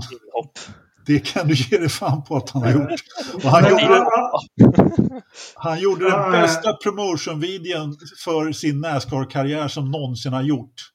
Eh, han gjorde nämligen vi, vi, hade ett, eh, vi hade ett Forza-lopp en gång i tiden för, för bara redaktionen när vi skrev. Ursäkta att det blir en lång historia. Då hade vi en kille som skrev om amerikansk racing som heter Jan Johannesson. När han körde upp på Tuvängen med go-karten i, eh, i eh, liksom, han var först att köra ur depån. Och så kör man ur depån, liksom, då fortsätter man ju ofta rakt fram. Inte Johannesson inte, han har sett för mycket amerikansk racing. Han kör ur depån, svänger höger för att köra vänstervarv. Precis så gjorde Travis Pastrana i sin, i sin promotion-video. Den var suverän. Så hade han såna här sydstatsbrallor och en eh, vad heter det, jävla halmstrå i, i käften också. The redneck life. Precis. Personligen så är cool, cool Trickle den absolut bästa Nascar. den stjärnan. Ja. Men Anders, jag vet att du är programledare, men eh, jag måste bara få smita mellan. Är det okej? Okay? Jag kör. Patrik, eh, ditt intresse för Nascar är jättespännande och eh, eh, jag kollar mycket Nascar precis som ja, runt där millenniumskiftet. Och, och eh, men jag, jag tappar serien lite och, och eh, det är väl fler än jag som har gjort va? Ja, definitivt. De började med The Chase och Earnhardt Senior gick bort och Ja, det var en 01 va? Ja, ja eh, precis. Ja, 01 och, så kraschade han ju där i sista svängen på Daytona 500. Eh, men kan du ta lite kort, för jag tror det är många lyssnare också, eh, och reda ut på ett kortfattat sätt så en femåring förstår de här olika klasserna. Man kör med pickup ibland och man kör med ditten och datten och nu ska Kimmy köra med någonting han inte har kört förut. Kan du dra lite kortfattat kanske? Kungaklassen, Nascar Cup Series, division 1 om man ska översätta lite lätt. Då. Sen finns det en klass som heter Xfinity och det är division 2 och sen har du något som heter Camping World Truck Series, då kör man med pickuper, det är division 3. Det är de tre stora serierna. Sen finns det ett harang av underklasser till det. Division 4, 5 och så vidare och det kan vara västkustserier, östkustserier, Erka-series, ja det finns hur mycket som helst. Men de tre största det är Cupen, Xfinity och Camping World. Och de styrs utav en huvudsponsor oftast vad kuppen ska heta då. Därav de olika namnen. Så när du tittar där vid millennieskiftet då heter det Winston Cup, den stora, Bush Series, division 2 och Craftman Truck Series, division 3. Då. Så det är, det är en sponsorfråga vad de ska heta för varje år. Då. Ja, uh, jag tycker det är intressant det här sporten. Nascar då, det, heter, det är ju en akronym för National Association for Stock Car Auto Racing. Stämmer bra. Ja, så det är inte liksom ett namn utan det är ju bara en akronym men man mm. kopplar ju den automatiskt till de här bilarna. Det var väl Bill France som satte sig vid ett skrivbord nere i ett hotell i Florida i Daytona och tyckte att det här ska vi tävla med 1949. Ja, och det är ganska intressant. Jag har lagt upp den där bilden från första Nascar-tävlingen vid ett par tillfällen när man körde där på stranden i Daytona ja. faktiskt. Eh, det, den är rätt okej. Okay. det, det var ju som all motorsport på den tiden att man tog sin landsvägsbil man tog egentligen. och körde. Ja, körde på stranden där som på en oval, oval tävling. Fast det var väl samma i Storbritannien också, att man tog sin hundkoja till Brands Hatch på helgen och, och körde. Men jag, ja, jag körde Volvo i rally i skogarna. Precis. Ja, precis. Eh, men jag tänker just det. Eh, Nascar, alltså min kunskap kom ju som mest, det var ju när barnen var små och alla ni småbarnsföräldrar som lyssnar på det här som tittar på bilar och cars. Det måste ju gett jättemycket för Nascar, eller? Ja, det gjorde det. Det var faktiskt ett litet samarbete Nascar gjorde med Disney om att försöka få in en ny generation av unga för att se den här sporten. Då. Och då skapade man här bilar och Blixten McQueen och så bjöd man in jättestora skådisar som kunde göra rösten och även riktiga riktiga människor som gjorde rösten. Typ Darrell Waltrip är en Nascar-ikon. Han fick ju spela kommentator. Doc? Nej, vem var Nej. Doc då? Doc, han, det, är någon annan, det är någon annan röst, men han var en jättestor ikon på 50-talet innan han eh, ja. för mig förorsakade mm. en, en tävling där borta. Ja. Doc Hudson tror jag han hette. Men den här Men... Schumacher och Hamilton var väl med i den där filmen här för mig. Ja, fast jag har ju bara sett de svenska. Det var ju Janne... Ja, det var, ja, då var det ju Björn Valdegård. Då var det Björn Valdegård. Ja, och så var det Janne Flash och, och grejer också. Ja. Så jag för mig Johan, ja. nej inte Ejeborg, vad heter han? Ja, det är någon annan som spelar rösten. Som jobbar på SVT ja. för mig. Men... Uh, Hur som helst. Ja, Nas ja, Nascar har ju fått lite nya bilar till sig i år och så här. Tycker du att eh, det har blivit bättre racing i år? För vi har haft väldigt många olika vinnare i år. Det tycker jag. Vi är uppe i 15 olika segrare eh, på, på de 30... första 24 loppen. Och vad är det? Är det 36 lopp eh, fortfarande på en säsong ja, i Nascar? 36 lopp kör de. Eh... Hur många är road courses utav dem då? Förr var det alltid två bara. Ja, men de har höjt det där nu. Nu kör de både på, det är Watkins Glen och Sonoma, de klassikerna. Sen är det ju Kota, Circuit of America. Eh, och så kör de ju Roval, då är det mm. ju kurvig bana i Charlotte. Och sen så kör de ju Indy Road Course. Sådär ja. Forte på mina fingrar i alla fall. Ja, men... Jo, Road America. Road America. Road America, oh, just det, den körde de ju också. Det, det, jag missade det tyvärr. Jag har tyvärr inte sett så mycket Nascar på sistone, men det är ju ändå rätt bra att gå ifrån två road courses till fem där. Så jag menar, det, det, det måste jag ändå säga och det är ju lite därför vi snackar här idag också. Vad vill du, Kristoffer? Jag tänker mest på att det finns ju olika motorleverantörer i den här serien, visst? Det är väl Chevrolet, Ford. Ja, Chevrolet, ja, Ford, Toyota. Ja. Men äh, är det samma chassi de har de också eller är det, är det egna designade chassin eller hur fungerar det här? I den här nya bilen så är det samma tube frame på allihopa. Eh, mm. Det enda teamen eller OEM som de kallar det för, som det enda de får utveckla det är en egen motor och eh, hur fronten ska se ut kort och gott så att det passar deras klistermärken om det är en Toyota, Ford eller Cheva. Då. Men annars inte, så är med, det... inte med splitters eller något sånt utan det är bara eh, när du säger fronten, när det är splittern eller som man får göra så. Nej, underredet splittern den är och till hela diffusorpaketet det är en och samma. den köper de utav Nascar, den konceptet. Utan det är egentligen bara själva fronten där emblemen sitter som de får leka lite med. Okay. Men på tal om, det var därför jag vinkade, på tal om regemente, jag kommer inte ihåg om det var 15 år sedan eller 10 år sedan, då var, eh, då var det mycket med att det var bara bumper racing. Ja, man körde liksom eh, det här att man puttade på varandra. Eh, det är, det är nog inte så länge sedan som tio år sedan när man körde de här restrictor platte-racingen eh, i stort sett. Tandem racing. Ja men, ja, men vad var det? Kan, kan du bara förklara kort för mig? För jag satt mig aldrig in i vad det var ett fenomen som de körde. Det är tio år sedan de höll på med. Då, då körde man kort och gott. Ja, 01 tror jag var nej 11 menar jag, 11, 2011, det var nog sista året de körde med det innan de gjorde om eh, frontgrillen på dem så att de överhettade när de låg klistrade för länge. Eh, men det, det de gör, då lägger man kloss på bilen framför, man kör framkofångaren mot eh, den framförvarande bilens bakkofångare och så pushar man helt enkelt och på det sättet så lurar de luftflödet kan man säga. Man skär igenom luften mycket lättare när man är två.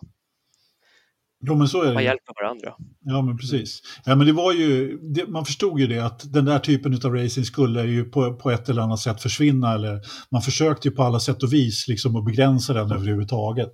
Det var så himla mycket taktik då. Vem var min kompis? Vem var inte min kompis? Och så körde de ju så liksom. Ja, ja. men jag tar den här kompisen så kör vi med honom i tre timmar till ja, sista en, varvet. Och ändå så är det ju extremt mycket taktik redan som det är i Nascar. Det är ju liksom det är det. det, är det. Ett riktigt taktikspel. Ja. Men du, eh, vad skulle jag säga, tills i år då så har man ju gjort en, en helt, en helt ny, bil. Bil ja, och alltihopa. Och, och nu, alltså, det, det stör, jag försökte ju skoja till det lite i Facebookgruppen också och fråga vad som var fel på, fel. Precis, på Kimis bil. Och det ser ju helt sjukt ut med en centrumbult om man är van Nascar-tittare. Liksom. Vum, vum, vum, vum. Det har ju liksom alltid varit det här på, på, på Nascar och så är centrumbult helt plötsligt. Hur det, här det är lite charm som har försvunnit tycker ja. jag. Det är ingen yrkesskicklighet längre på mekanikerna höll jag på att säga. Men det var en kostnadsfråga. Jag ja. såg ett eh, klipp om det. Okay. Eh, de här fem bultarna som de hade innan, det var ja. engångsbultar. Det slängde man liksom efter varje, ja, okay. varje däckset liksom och då kör man 36 lopp per år och det, man får ha 12 set på en hel helg och så har man fyra bilar i team det blir en högst, hyfsat, kanske inte den dyraste kostnaden, men det är pengar som rullar iväg. Mycket den här centrumbulten, den kan de återanvända. Ja, okej. Okay, okay. Ja, men det är bra. Många blickar små. Det känns ju ändå som att de jobbar en del med den här kostnadskontrollen i amerikansk racing överhuvudtaget. Det är lite samma sak. Vad vill du, Kristoffer? jag vill mycket, men uh, jag tänker finns det i de flesta motorsporter finns det ju stora stall, liksom i FTH, Mercedes, Ferrari, Red Bull. I Indycar har vi ju Penske, Andretti och ja. Finns det i Nascar några liksom tre, fyra stall som styr och vilka är de i så fall? En heter Henrik Motorsport. De kör Chevrolet. Eh, har fyra bilar.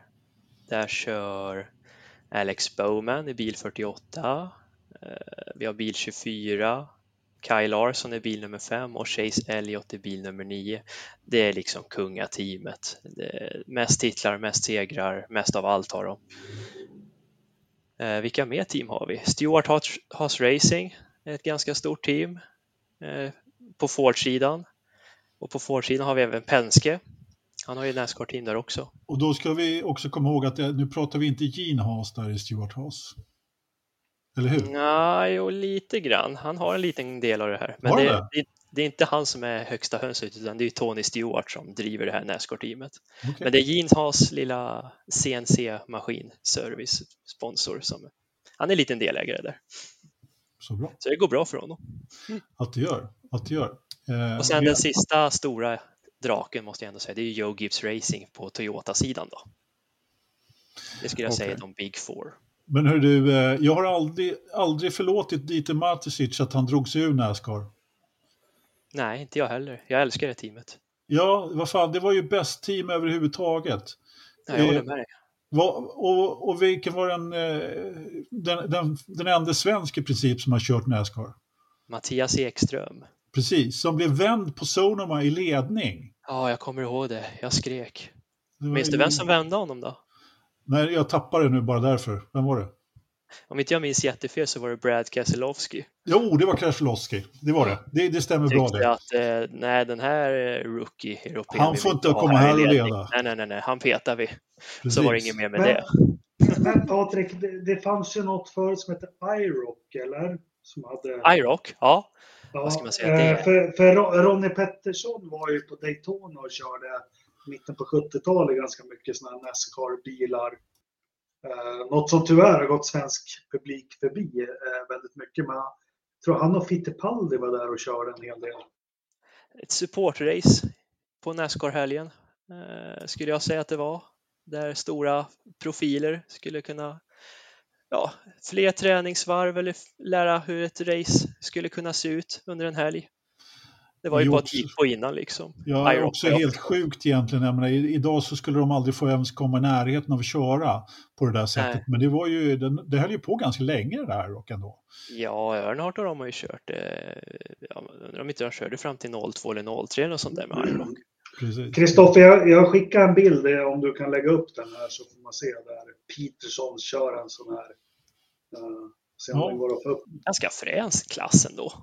Ja, men den, var ju, den tillförde ju lite grann. Det är mer sånt. Mm. Det är, men det är ju samma sak. Det, vi hade inte 22 Formel 1-lopp på den tiden heller. Så Nej, det, är klart, det är svårt med det. Men hörni, om vi ska gå vidare, om inte Kristoffer får upp bilden där, men, men eh, vi ska gå vidare lite grann. Nu har vi ändå snackat en stund här, eh, lite bakgrund och vem du är och lite Nascar och lite vatten.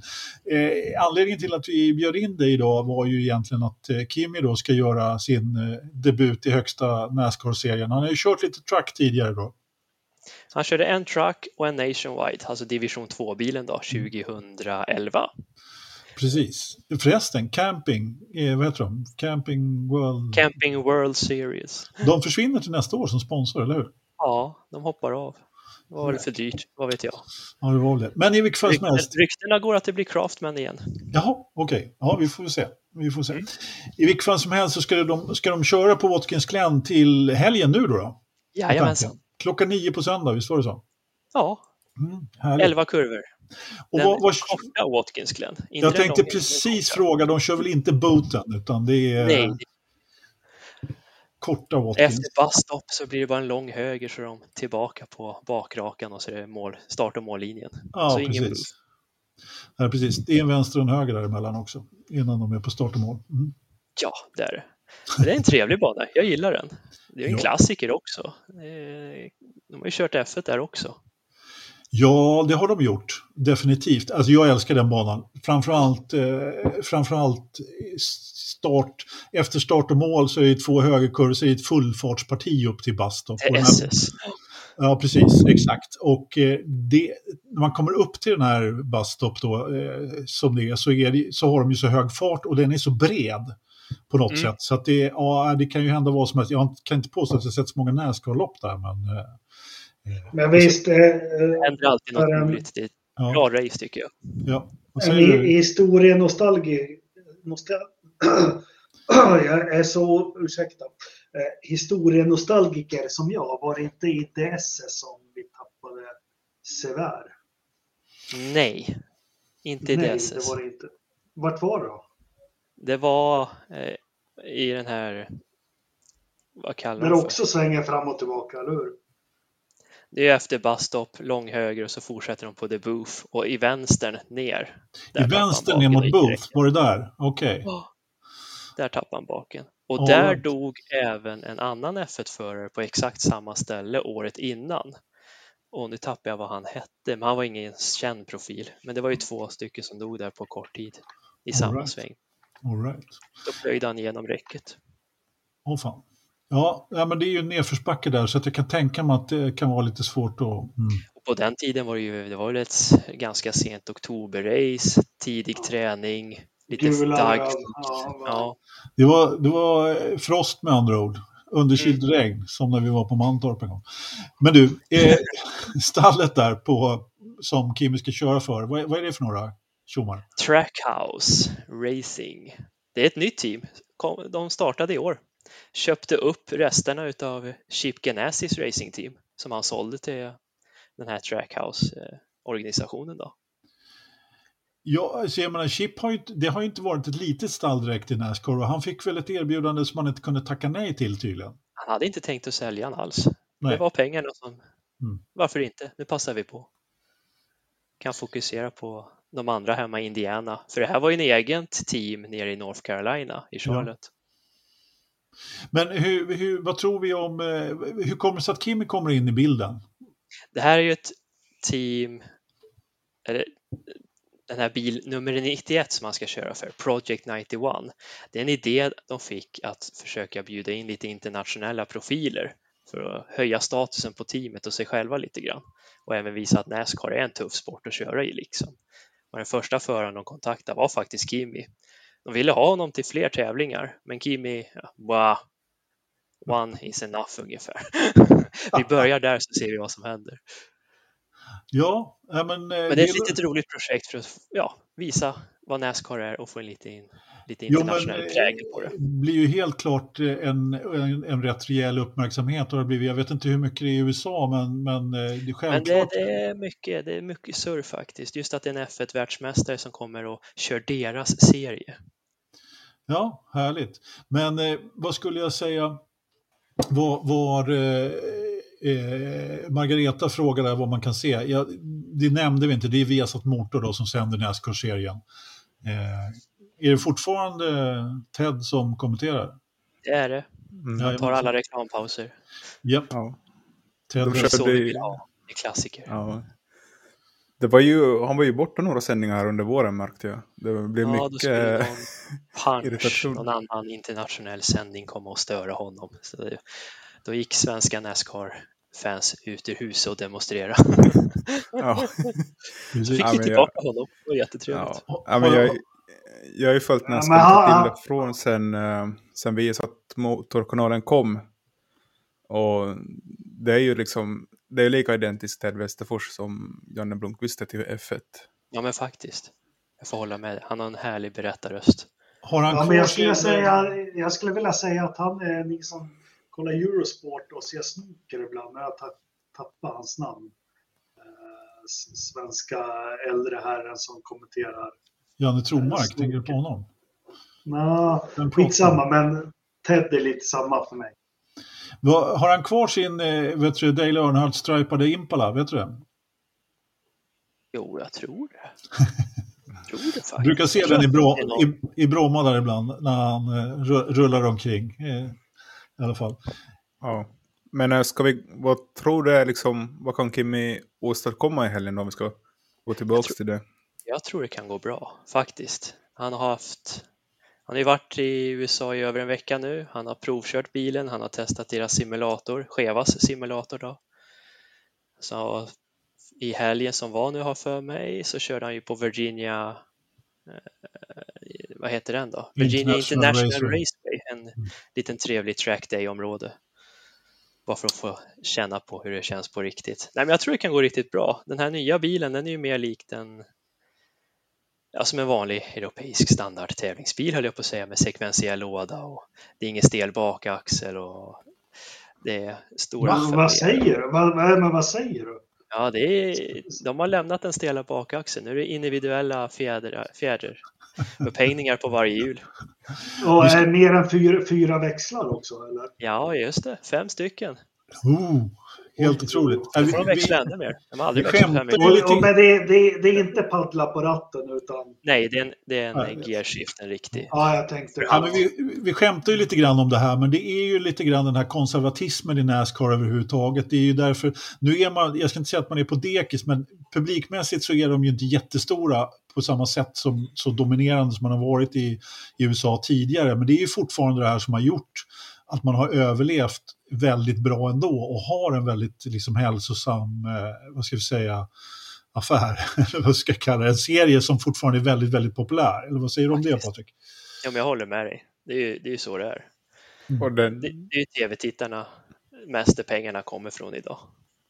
Det är ja. de som styr. Och jag såg en siffra här, det är väl ändå runt eh, 3-4 miljoner som kollar varje lopp. Ja, det är det. Och då ska man veta att det är en, en mille på, på en bra Indycar-tävling. Ja. Vad ligger F1 på? Ligger de på F1... 2 miljoner? Nej, de är ju över... Ja, i USA så såg jag, de har ju bara gå över en miljon nu och Indycar är runt 800 000. Så F1 har ju ja. gått om Indycar faktiskt. Mm. I USA. Men du Patrik, just det här, alltså det jag in, det, det, personligen så är ju just det här när man började att dela upp loppet i tre. Det var då Nascar tappade mig som, som tittare. De kör stage race. Ja, det och när Montoya slutade, då, då, då fick det vara nog liksom. Det fanns ingen just, mening längre. Nej, lite så. Och, och, men däremot så har jag ju börjat nagga tillbaka lite grann när man fyller hela Bristol med jord till exempel. Ja. Alltså vilka jävla dårar. Och liksom för att de ska ha tillbaka det här dirt track, ja, men sånt, sånt kan man ju inte annat än bara älska. Liksom, när man, Tänk att göra det på Silverstone. Ja, Fylla hela ja. Silverstone med lera en helg. Ja. men, men, men, kan du förklara till ja, Det är inte så jävla svårt att göra det. Med det här stage race för de som inte fattar och kommer kolla på söndag liksom. Kan du förklara lite snabbt bara? Stage race, de har ju delat upp ett helt lopp till tre olika segment. Eh, de här är olika långa, de brukar dela upp 30 procent, 30 procent och så är det sista segmentet på 40 procent, alltså lite längre, lite mer varv då. Och det här vill de, det här införde de 2017 i Ja, det är väl i godan tro. De vill få lite mer action igen. Det är omstarterna folk vill se. Det kan ju eventuellt hända en liten krasch. Det är det folk vill se, tyvärr. De är lite underhållsfattiga på det, amerikanerna. Men de är härliga ändå. Men eh, det här stage racing, då får man ju poäng efter varje segment då, uppdelat i 10 poäng från första plats ner till en poäng på tionde plats då. Och de här stage pointen för det, eh, räknar man ihop under den här regular season som man har till godo till när de ska köra playoffsen, alltså slutspelet. Den bestämmer liksom rangordningen på poängsystemet hur bra det har gått under året. Och de här extra poängen var ju en extra krydda för att man skulle ge järnet i hela loppen, inte att det skulle bli så mycket dödtid och bara vänta ut eventuell gul flagg tills man gick i mål, utan de vill ha hård racing från start to finish liksom. Men ingår det också då att man backar, liksom sätter ihop fältet igen efter ett stage, eller är det någonting annat? Jag, för jag, vissa skämtar så här ibland att säga att de tar ut en gul flagg bara för att packa ihop fältet. Men... Det, det, det, är väl en sägen skulle jag säga. Men ja. då har de ju konstruerat den här istället. Där man okay. ger en ett litet inofficiellt målgång och då tar man det lugnt sen. Då är det gul flagg. Då kör man ju liksom ingen fullfartsvarv när man har gått över och sen blir det en ny grön flagg när de har gjort sina depåstopp och lite sådana saker. Okay. Det är ja. kontrollerat. De hittar på så mycket, så mycket skull. Allt för publikens skull på plats. Ja, ja, jag ska, ja precis. Så, ja, men just för det här sättet för att få någon slags artificiell spänning liksom, och, mm. och bygga och så vidare. Jag, jag tycker att, eh, att det föll, eh, så att säga, rent personligen. Jag är heller inget jättefan av det. Jag gillar Nej. bättre långa taktikspelet. Ja. Om de kommer ja. i mål på den här tanken liksom. Du nämnde också där med slutspel, det är ju också en grej som vi inte är så vana med inom motorsport. Ja, men precis. De kör ju en rätt lång säsong med 36 lopp. Så har man en vanlig säsong, 26 race, där de ska Ja, den som vinner ett lopp under året är med i det här slutspelet och det är bara 16 förare som får vara med i det här slutspelet. Då. Och det är en extra krydda för att liksom vem som helst kan vinna det sista loppet. Men, eh, ja, men precis. Jag kommer ihåg när de införde det där slutspelet också. Jag vet inte. Det är väl, 2004. Ja, det är väl aldrig så att det är någon som har vunnit det där som har kommit längre ner då. då så att, men ändå, jag menar incitamentet. Speciell spänning, media har något att skriva om. Ja, men precis. Och just incitamentet där i, som, så, som man får, liksom för de förarna som inte ligger där i toppen kan jag tycka blir lite mindre då. Men, men mm. visst, du, du som sitter och viftar där Kristoffer, ta lite lugnt här nu. Kör upp Engelmarks bild som han har skickat till dig också. ja, precis. Ja, men jag, ja, men jag tänkte bara liksom, för de är ändå nästan 40 bilar som startar ibland. Vad är liksom ja. incitamentet för, om de inte har kvalat in då, om de inte är bland de här 16, vad är liksom vitsen med att vara med då resten av säsongen? Prispengar. Kan okay. du vinna äran. äran det är rätt mycket prispengar på sånt här lopp. Eh, vi, man får ju pengar för varje lopp och det kan vara upp till 7 miljoner eh, dollar per lopp. Vi, det är, de gillar ju prispengar i USA naturligtvis. Mm. Och jag menar, du får väl egentligen, eh, alltså det är ju rätt dyrt att starta bara det, men det är väl prispengar ner till sista man i stort sett. Det brukar det är vara. ju det. Då har du fått betalt för egentligen bränsle och däck kan man säga. Ja, men precis, precis. Så, normalt sett så är det väl 43 startande, är det inte det? 40, de har sänkt det. Har de sänkt? Vad fan, har de ändrat allting här? Från 43 till 40, för det var så många som inte ställde upp. Jaha, okej. Okay. Det har blivit för dyrt. Ja, ja, okej. Okay. Alltså Mikael Kaupla här i chatten, om du hade lyssnat från början noga så har vi sagt vi har satt motor, via Play Motor 21.00 söndag. Okej? Okay? Precis.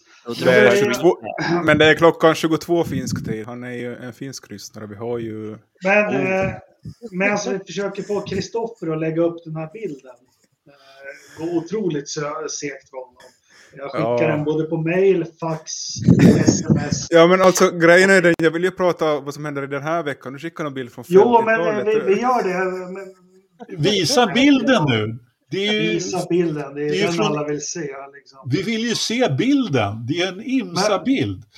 Så, så drar vi, men Patrik, hur, hur tas nyheten och eh, allt det här att Kimmy kommer att köra emot i, i Nascar-världen? De tycker det är jättekul. Det är en media-hype. Det ska bli det är kul att det kommer en så stor internationell förare som han ändå är över till deras sport och uppskattar deras sport. Så det har varit bara positivt sedan de annonserade att han ska köra den här bil nummer 91. Då. Tror du att det blir någon fortsättning?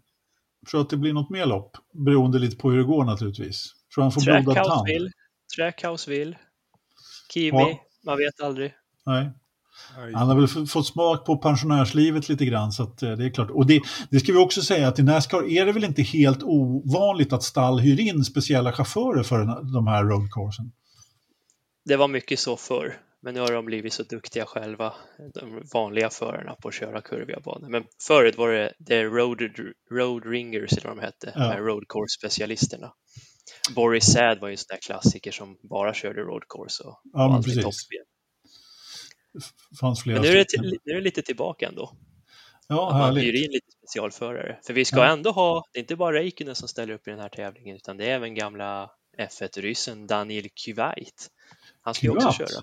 Mm. Torpedo! Ja, det är Torpedo. Underbart. Underbart. Eh, då, får vi, då får Kimi helt enkelt rikta in sig på att få en torped i, i sidan då, på sin 91 som vi fick upp en fin bild på. Ja, så ser den ut. Helgens skönhet. Ja. ja, den här ska ni hålla koll på då. Det känns ju väldigt... Eh... Svenskinspirerat tycker jag. Blå. Ja, jag börjar tänka på Valentina Rossi när jag ser den. Jag vet inte varför. Jag tycker det ser ut som en fi finsk jävla hockeytröja, bara sponsorer överallt. Ja, men äh, det är viktigt här. Det är Oilock som är ett finskt företag som gör äh, lås, lite som Abloy. De vill in på amerikanska marknaden och det är ju en del i den här delen. Sån här information tycker jag är rolig. Ja. Men de, de, är, de är, jag måste fan säga, de är snygga bilarna alltså. Win on Sunday, sell on Monday. Det var konceptet ja, när de tog fram ja, den ja. nya bilen liksom. Precis. Precis. Kan, vi, kan vi få, se, få en bild på hur bilarna såg ut på 70-talet kanske? Ja, kan vi var... ordna det Kristoffer? Så att eh, hur de såg ut lite tidigare på... När, när, på er tid, när ni var unga. När, när Imsa... Anders var inte ung då. Han, jag, jag tror det firar hans 60-årsdag här någonstans. Och där har vi en Iron. Här har vi... Ja, vad, vad kan det vara för bilar? Ja. Det där kan vara... Jag vet, Ron, Ronny tyckte det här var riktigt jäkla häftigt. Uh, och det måste han ju tyckt som åkte över Atlanten för att köra det här. För att köra här då? Leka och ja, kul. Och, precis, men Barbro, hans fru, tyckte att det här var mycket hemskare än, än Formel 1, vilket jag inte kan förstå. Men, ja. ja, fanns det bur i de där höll jag på att säga.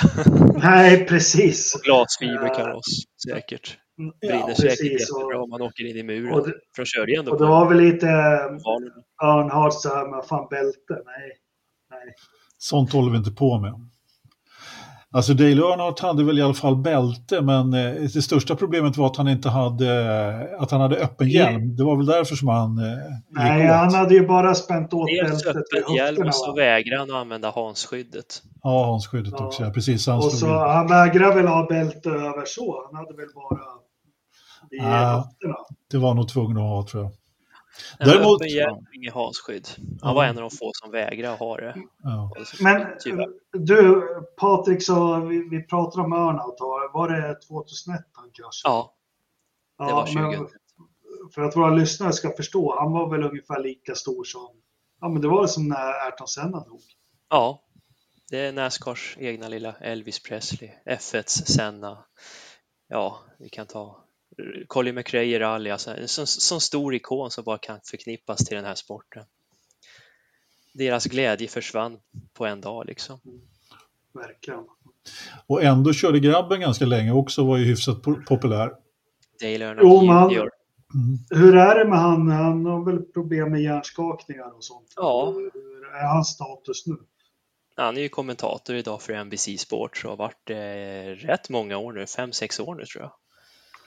Han, eh, han fick ju tyvärr lägga hjälmen lite för tidigt på hyllan för han började få lite för mycket hjärnskakningar. Och det var långa återhämtningsprocesser för att läka hjärnan då. Men du, li, lite annat då. Vi var inne på det och Anders var inne på det också. Varför gick det inte bättre för Montoya än vad det gick? Bra fråga. Varför gick det inte bättre? Stannade han för länge i Chip Ganassi egentligen? Eller är de här bilarna så mycket svårkörda än att köra runt i en formelbil? Han var ju nära flera gånger ändå på att vinna en Nascar-lopp på ovalbana. Det var alltid något strul som kom i vägen. Jag vet precis varför. Han hade, inte till, han hade inte tålamodet helt enkelt. Han, det, det, det, sista tio varven liksom.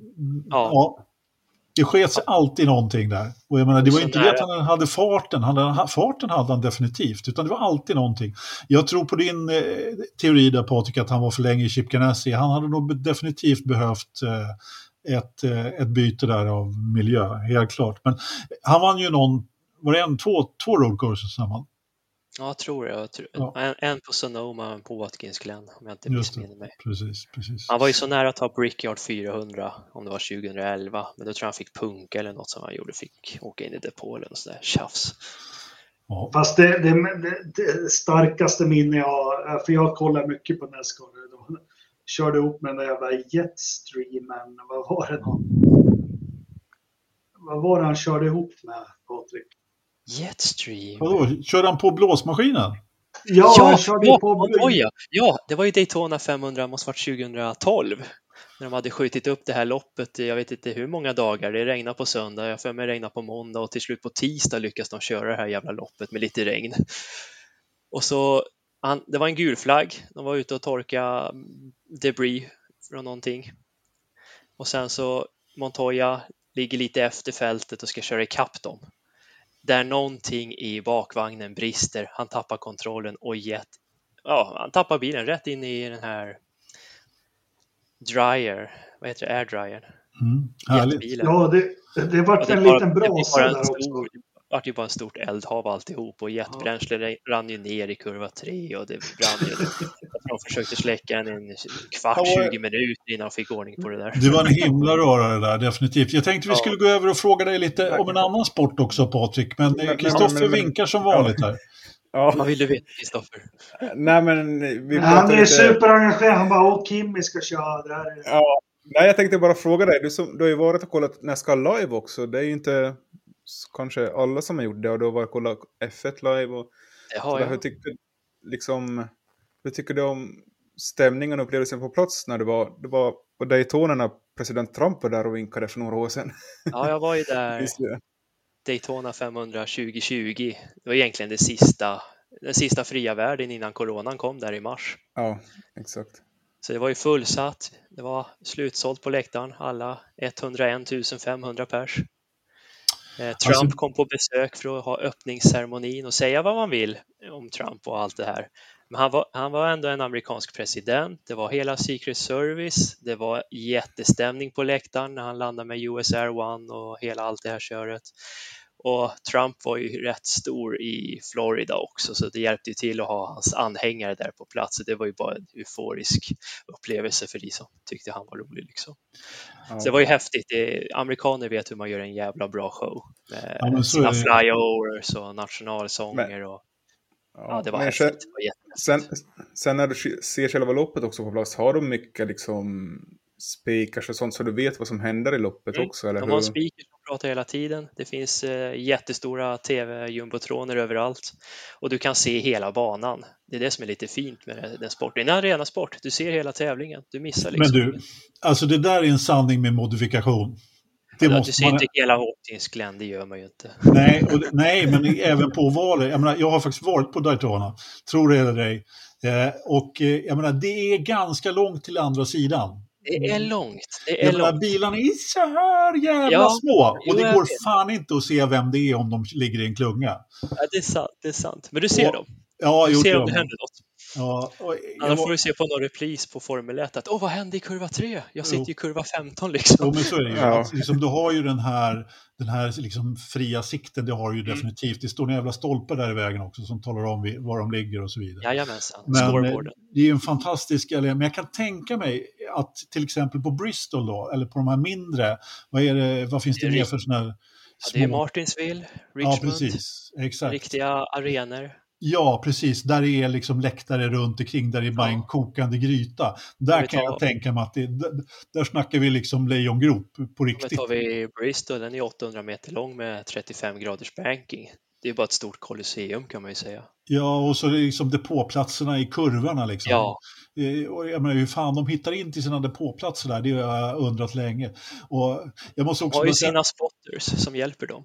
Ja, jo, det är klart. Eh, det, det är ju fördelen med, med Nascar, att de kör med spotters hela tiden, eh, mm. faktiskt. Så är det. Men du, du hade ja. något... Kristoffer ja, vinkar igen. Kristoffer, vad är det? Kommer kom vi inte låta, innan vi går in på Patriks andra äventyr som jag ska på snart, kan du inte, kan vi få en kvalificerad tippning vad Kimmy kommer att sluta på söndagen? Uh. Om ingen petar honom och tycker att han är för duktig. Ja, men jag drar till med åttonde plats. Jag säger åtta. Topp tio, nummer åtta. Topp tio, ja det är inte dåligt. Okay. Eh, då får du också tippa då, Kristoffer. Mm, jag har ju sagt om han kommer topp 10 så gör han ju det bra. Mm. Då gör han det riktigt uh, bra. Och ja, går det bara vi, vägen så kan Får vi en plats nu? Men, men jag, jag, känner väl liksom Kimmy så bra så det blev väl... Han, han hade väl två 15-platser sen innan? Eller när han kom 15 och 27. 15 här... och 27 ja. Men ja, då var det gamla det bilen, blir... stel bakaxel och hela det köret och ja. val. Nu är det ändå kurvigt, det är ändå sofistikerade bilar idag. Han har suttit i en simulator, han har provat. Det känns som det finns för många bra förare som kommer komma före honom, mm. så kanske 13 säger du. Ingemark. Vad kommer Kimi? Uh, han bryter, han kör sönder en drivaxel på 12 varvet. Och det är absolut inte omöjligt. Det är det som är så läskigt. Hur, hur, hur många varv kör de? Vet du det Patrik? Har du, koll på, har du koll på hur många varv det är? 90 stycken ska de köra och då kommer de upp i 220,5 miles, vilket blir 354,86 kilometer. Härligt. Det är, något det är lite längre än ett F1-lopp. F1-lopp, ja precis. Mm. Jag tror att eh, Kvyat eh, torpederar Kimi på 24 varvet. Eh, du, Patrik, eh, vad ska du göra med... Ska du vara funktionär i F1 eller vad... vad, vad Ryktena sprids alltså. Ja, men precis. vad, vad, vad har du berättat om det? Ja, men för skojs skull. Jag, ville, jag gillar ju att vara funktionär på motortävlingar här i Sverige, så jag åker ju gärna Sverige runt och jobbar, så jag har gjort många jobb åt Svenska rallyt och dragracing och diverse olika event, folkrace, ja, allt på fyra hjul egentligen. Så jag är en stor motorsportentusiast på det sättet. Och jag tänkte, men F1 har jag aldrig jobbat på. Vart kan jag tänka mig att jobba? Ja, men jag skickar ett mejl och då råkar jag skicka ett mejl till Holland. Vad kan gå ja. snett liksom? Och de eh, kontaktar mig. Ja, men jätteskoj att du vill vara med, men eh, skicka ett CV vad du har gjort så tittar vi liksom. Och då skickade jag ett CV på vad jag hade gjort och sen så fick jag en vecka senare tror jag, du är med, du får vara funktionär hos oss. Jaha. Vad häftigt. Så de tar in vad fan folk som helst alltså? I, ja, gediget CV. Gediget CV är bra. Men ja, det spelar ingen roll om det var Holland eller får, svensk bevisligen. Får du göra, får du göra sådana intagningstest som de får göra i Monaco? Nej, det vet jag inte. Jag vet att jag ska på en kurs och ja, lära mig lite saker på dagen innan, torsdagen då. Ja, okej. Okay. så var, vet du var du kommer att stå någonstans i eh, Nej, det vet jag inte. Nej, det vet jag, inte. jag ska ju faktiskt dit och kika lite hade jag tänkt. Du ska... Vet du vart du ska sitta? Eh, jag vet var jag ska sitta, men de har ju inga nummer på de där jävla läktarna. Jag ska sitta mitt innan chikanen innan eh, innan vänstern ut på velodromkurvan ut på... Jaha, där, ja, ja, ja, ja. Så är det en liten, eh, ja, de har ju byggt om där nu, men, men ja, i, i det komplexet där ska jag sitta innan. Men du fick tag på biljetter? I år? Ja, det var ren tur faktiskt. Jag hade tänkt vara, på, liksom vara lite kvick där på när de släppte biljetterna och sen så missade jag släppet. Men så det, vi fick bara, jag fick bara ta vad som fanns kvar faktiskt. Att, ja. Men det, de var slut på någon timme senare bara, så det var bara ren flax faktiskt. men det ska bli jätteskoj att få vara funktionär där nere. Det är en, det kan för min del, en ära att ändå få Ja, verkligen, verkligen. Och då kanske har du det på CV sen så kanske du kan... Eh, kan få vilka dörrar som helst. Ja, men precis. Jag menar det. Jag menar det. Det är inte dåligt. Det gäller bara att du viftar med rätt flagga. Ja, jag, jag kan ge dig några tips om du vill. Ska ta blue flag åt Fettel och hedra ja. honom en sista gång. jag, jag minns ifrån uh, Ungerns GP så brukar de ju stå och dansa efter loppet. Kan du inte göra en sån? Liksom ja, jag kan det? försöka få med hela våran sektion och dansa i tv. Ja. Absolut. Det skulle vara fantastiskt om vi få det förevigat på något sätt. Ja, det låter bra. Nej, hörni, vi måste faktiskt ta en förstappen här innan vi, eh, innan vi somnar. Och innan vi tar förstappen så har vi ju faktiskt en utlovad programpunkt. Jag sa inledningsvis att det här avsnittet kanske vi skulle försöka hålla under en timme eller något sånt där. Nu, har vi, nu kommer, in, nu kommer, eh, nu kommer din fru in i bakgrunden, Engelmark. Såg du det? Vi skulle ju prata blev, en timme. Så. Jag blev så paff att, att jag glömde Nej, bort... men hon vill, hon vill visa upp sig här lite. Jag, jag, glömde, jag blev så paff att jag glömde bort vad Linda hette. Eh, I vilket fall som helst. Vi har... Nej, men hon har alltid haft en dröm om att visa upp sig lite. så, så nu var det... Ja, det var shorts och t-shirt. Vi får se nästa gång. Då kanske ja. I vilket fall som helst så har vi eh, utlovat att vi ska lotta ut eh, en klocka ifrån Racing Time .se och eh, man skulle göra vissa saker i sociala medier och dela lite och fixa och dona. Och nu har vi efter mycket möda och stort besvär kommit fram till en, eh, en segrare i den där tävlingen, Kristoffer. Eller hur?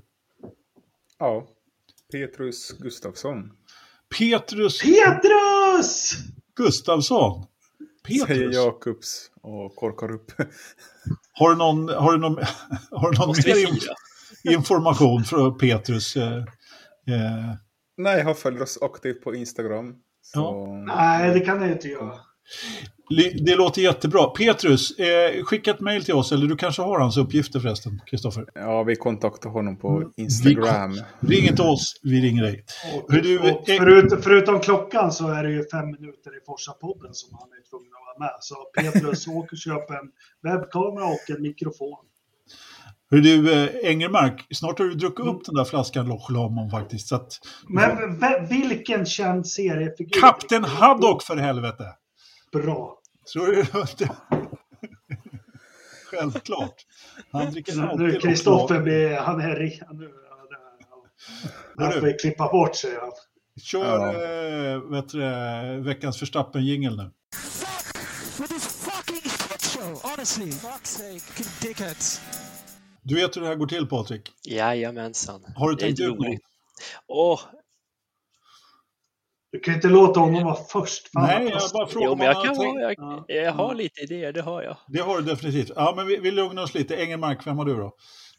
Uh, nej, men det är ju som vi sa i början, det är dåligt med motorsport nu. Men uh, jag måste faktiskt ta jag var inne och försökte få en diskussion om det här tidigare i avsnittet, men Lewis Hamiltons uttalande, det här att alla är emot honom. Shit, eh, Lewis, du som lyssnar på det här. Eh, du kan säkert det gör han. översatt. Ja, det, det vet jag att han gör. Lewis, du är, du är fan den bästa Formel 1-föraren genom tiderna. Jag, fast jag inte gillar, gillar honom så vågar jag säga det. Sluta tro att alla är dina fiender och eh, gör något bra för sporten och världen istället för att eh, polarisera allting. Bra. Ja, dessutom blivit utnämnd till veckans förstappen. Jag tror faktiskt att det var första gången i Forza Podden. Det tror jag med, för han gör ju aldrig bort sig. Nej, han gör ju han inte det. Han är så grym på att köra bil så det är helt sjukt. Kristoffer, förstappen? Mm, ja, det får väl bli de här eh, Formel E-bilarna. Eller liksom, jag vet inte, hela det här loppet i Seoul var lite farsartat tyckte jag. Nu kommer det nya bilar i december så jag hoppas de blir lite bättre. Så, Sådär ja. ja. ja du, du tog du min förstappen, tack för det. Patrik, har du tänkt ut något? Ja, det var ju också min Verstappen. Ingenjören på Formel E-bilar som inte vet hur man hanterar dem i regn. Men jag kan ta en till om ja, vi ändå brakar av den. Ja. Det måste ju vara dina geografikunskaper när du skulle förklara vart St. Louis låg. Och förlåt då. Men, han har ju aldrig blivit synad. Nej, den ligger i Illinois, det fick du rätt för, men det ligger i St. Louis och inte i St. Paul. Ja, förlåt. Eh, Precis förlåt. vid Mississippi-floden. Ja, ja, ja. Den gränsar ja, ja. till Missouri. Ja, ja, men precis. Jag såg att det var Illinois och gränsen till Missouri. Jag bara fick lite fel på St. Paul och St. Louis. St. Louis, St. Louis är på ett helt annat sätt. St. Paul är ju dessutom en tvillingstad där och den där jävla bågen och alltihopa. Bara för att jag råkar säga fel. När man har pengar, då behöver, då behöver man inte bry sig. Då åker man bara med liksom. Jag har koll på min amerikanska geografi, så det är så. Det är Nästan. bra det, alla Näst, 50. Nästan. Ja, precis. Exakt. Jag kan räkna upp dem om, om vi inte hade pratat så länge redan. Då blir min förstappen... Eh, eh, det får bli Daniel Kvatt i förtid då. då.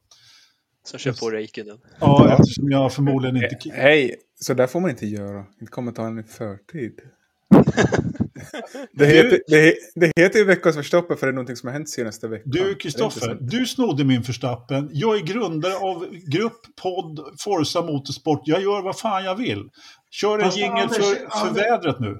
Nej, vänta Anders, jag måste fråga dig en sak. Uh, Nu ska vi liksom inte gå in på våra privatliv, men du har ju en skilsmässa bakom dig, eller hur? Nej. Nej. Nej, men du, du har barn i ett tidigare förhållande, eller? Ja. Ja, hur så? Ja, ja, så så, så du, du har ju hämtat upp ditt barn i tidigare förhållande, för ni har haft delad vårdnad, eller hur? Ja. Så, så på söndagar eller måndagar som ni kommer överens att nu, nu hämtar jag Putte eller Lisa eller vad hon nu heter. Och, och, och, så får du packning och allting så att... Vad vill du komma? Nej, men jag, jag, jag undrar hur den här överlämningen mellan Q1 och Max Verstappen ser ut. Ponera du som har varit i situationen. Liksom. Eh, alltså åker Kvyat till, till, till Max Verstappen en söndag eftermiddag när Max har landat och är hemma i Monaco. De liksom, skickar farsan? Får han en... Jossen, ja. Ja, det är sant. Farsorna? Jag tänker, och så en liten sån här ryggsäck packad med, ja men han har simning i skolan på tisdag. Ja. Ja, nej, nej, skiten. Det var nog så Helmut Marko gjorde mot honom 2016. ja. Lite så. Helt klart. Har du någon ja. väderjingel eller?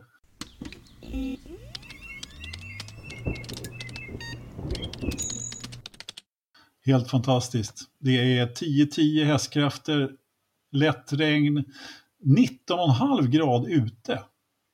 Hur fan går det ihop? Det är lätt kallt. Ja, kallt. Men vi snackar Grövelsjön här nu. Sveriges köldål oh, nummer Ja, verkligen. Det måste vara jävligt fuktigt, eller? Ja, vad fan. Eh, alltså, ja, lätt regn, då är det lite fuktigt faktiskt. Mm. Ja, eh, fan, tänk om det regnar på söndag i, i Watkins Glen. Det kan ju bli något. Oh, de kör faktiskt i regn. Det gör ja, de jo, jag vet.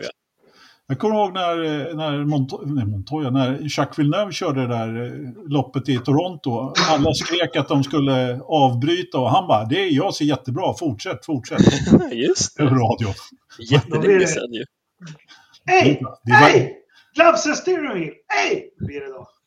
Det, var, det var ju fan, det var då länge sedan, det är bara något år sedan, typ. Dags! ja, eh, ja, det ser bra ut på alla, det är inget snödjup och ja, fågelbon ja, är inte eh, Kåtorna? Alltså det är, ja, nej, ingenting där du. Skalberg? Fjällbuan? Nej, ingenting. Det är bara tomt överallt. Alltså, varför tror... är inte Skalberg i... nej, tyvärr. Det känns som att semester, eller semestertid, det är, det är över liksom. Patrik, du får äran att gissa först. Vad är det för temperatur? Det är Nej, men vad är det i köket? Vi måste ja, men jag ska berätta det. Det är 23,2 i köket. Hur mycket är det i datorförrådet? Jag tycker det är jättefuktigt här nere, där jag mm. sitter. I Vaxholm? ja, jag, vi bor ju nära vatten. Mycket, mycket fukt. Nej, men jag drar till med, jag tror det är rätt högt ändå. Jag tror det är 18,7. 18,7. Vad säger Kristoffer? Ja, det är 31,3 grader i mitt kök. Så det betyder att det är... Som vanligt? Ja, det är 17,8 i... 17,8. Mm. Det är jämnt, det är jämnt. Engelmark? Äntligen får jag gissa och eh, eh, det har ju trendat på att det gått upp. Vad sa du att det var i köket? 23,2. Mm, det är jävligt varmt. Det är jättevarmt. Ja, det är varmt. Det, det är uh, 22,9 i datorn.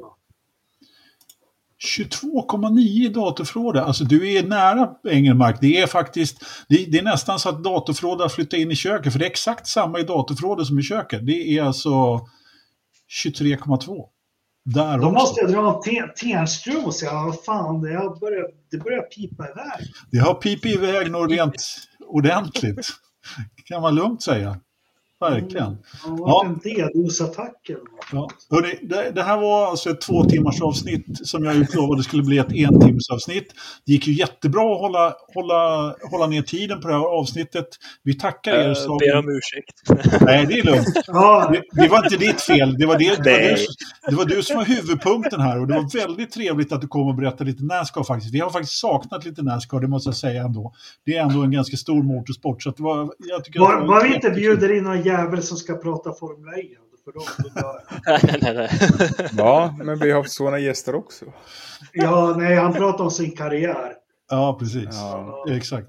Men, eh, hörni... Nej, men jag tackar för mig. Det har varit jättetrevligt att få prata ja, lite men, motorsport. Men du, du får jättegärna komma tillbaka och vill även ha dina faktiskt kommentarer efter loppet med Kim. Det vill vi definitivt ha. Vill jag ha vi kan ha en liten ja. återsnack, absolut. Ja, det låter bra. Jag hoppas att, att Vaxholm pluggar in i podden. Ja, definitivt. Sen, sen vill, jag skulle väldigt gärna vilja ha en liten rapport sen eh, efter Holland där så, eh, och se hur det var också sen när vi, när vi kommer så långt. Så att, eh, jag hör att hösten är fullbokad nu. Jajamensan, helt fullbokad, det låter bra det. Ja, du vet, Men, när man en gång börjar med den här podden så, ja.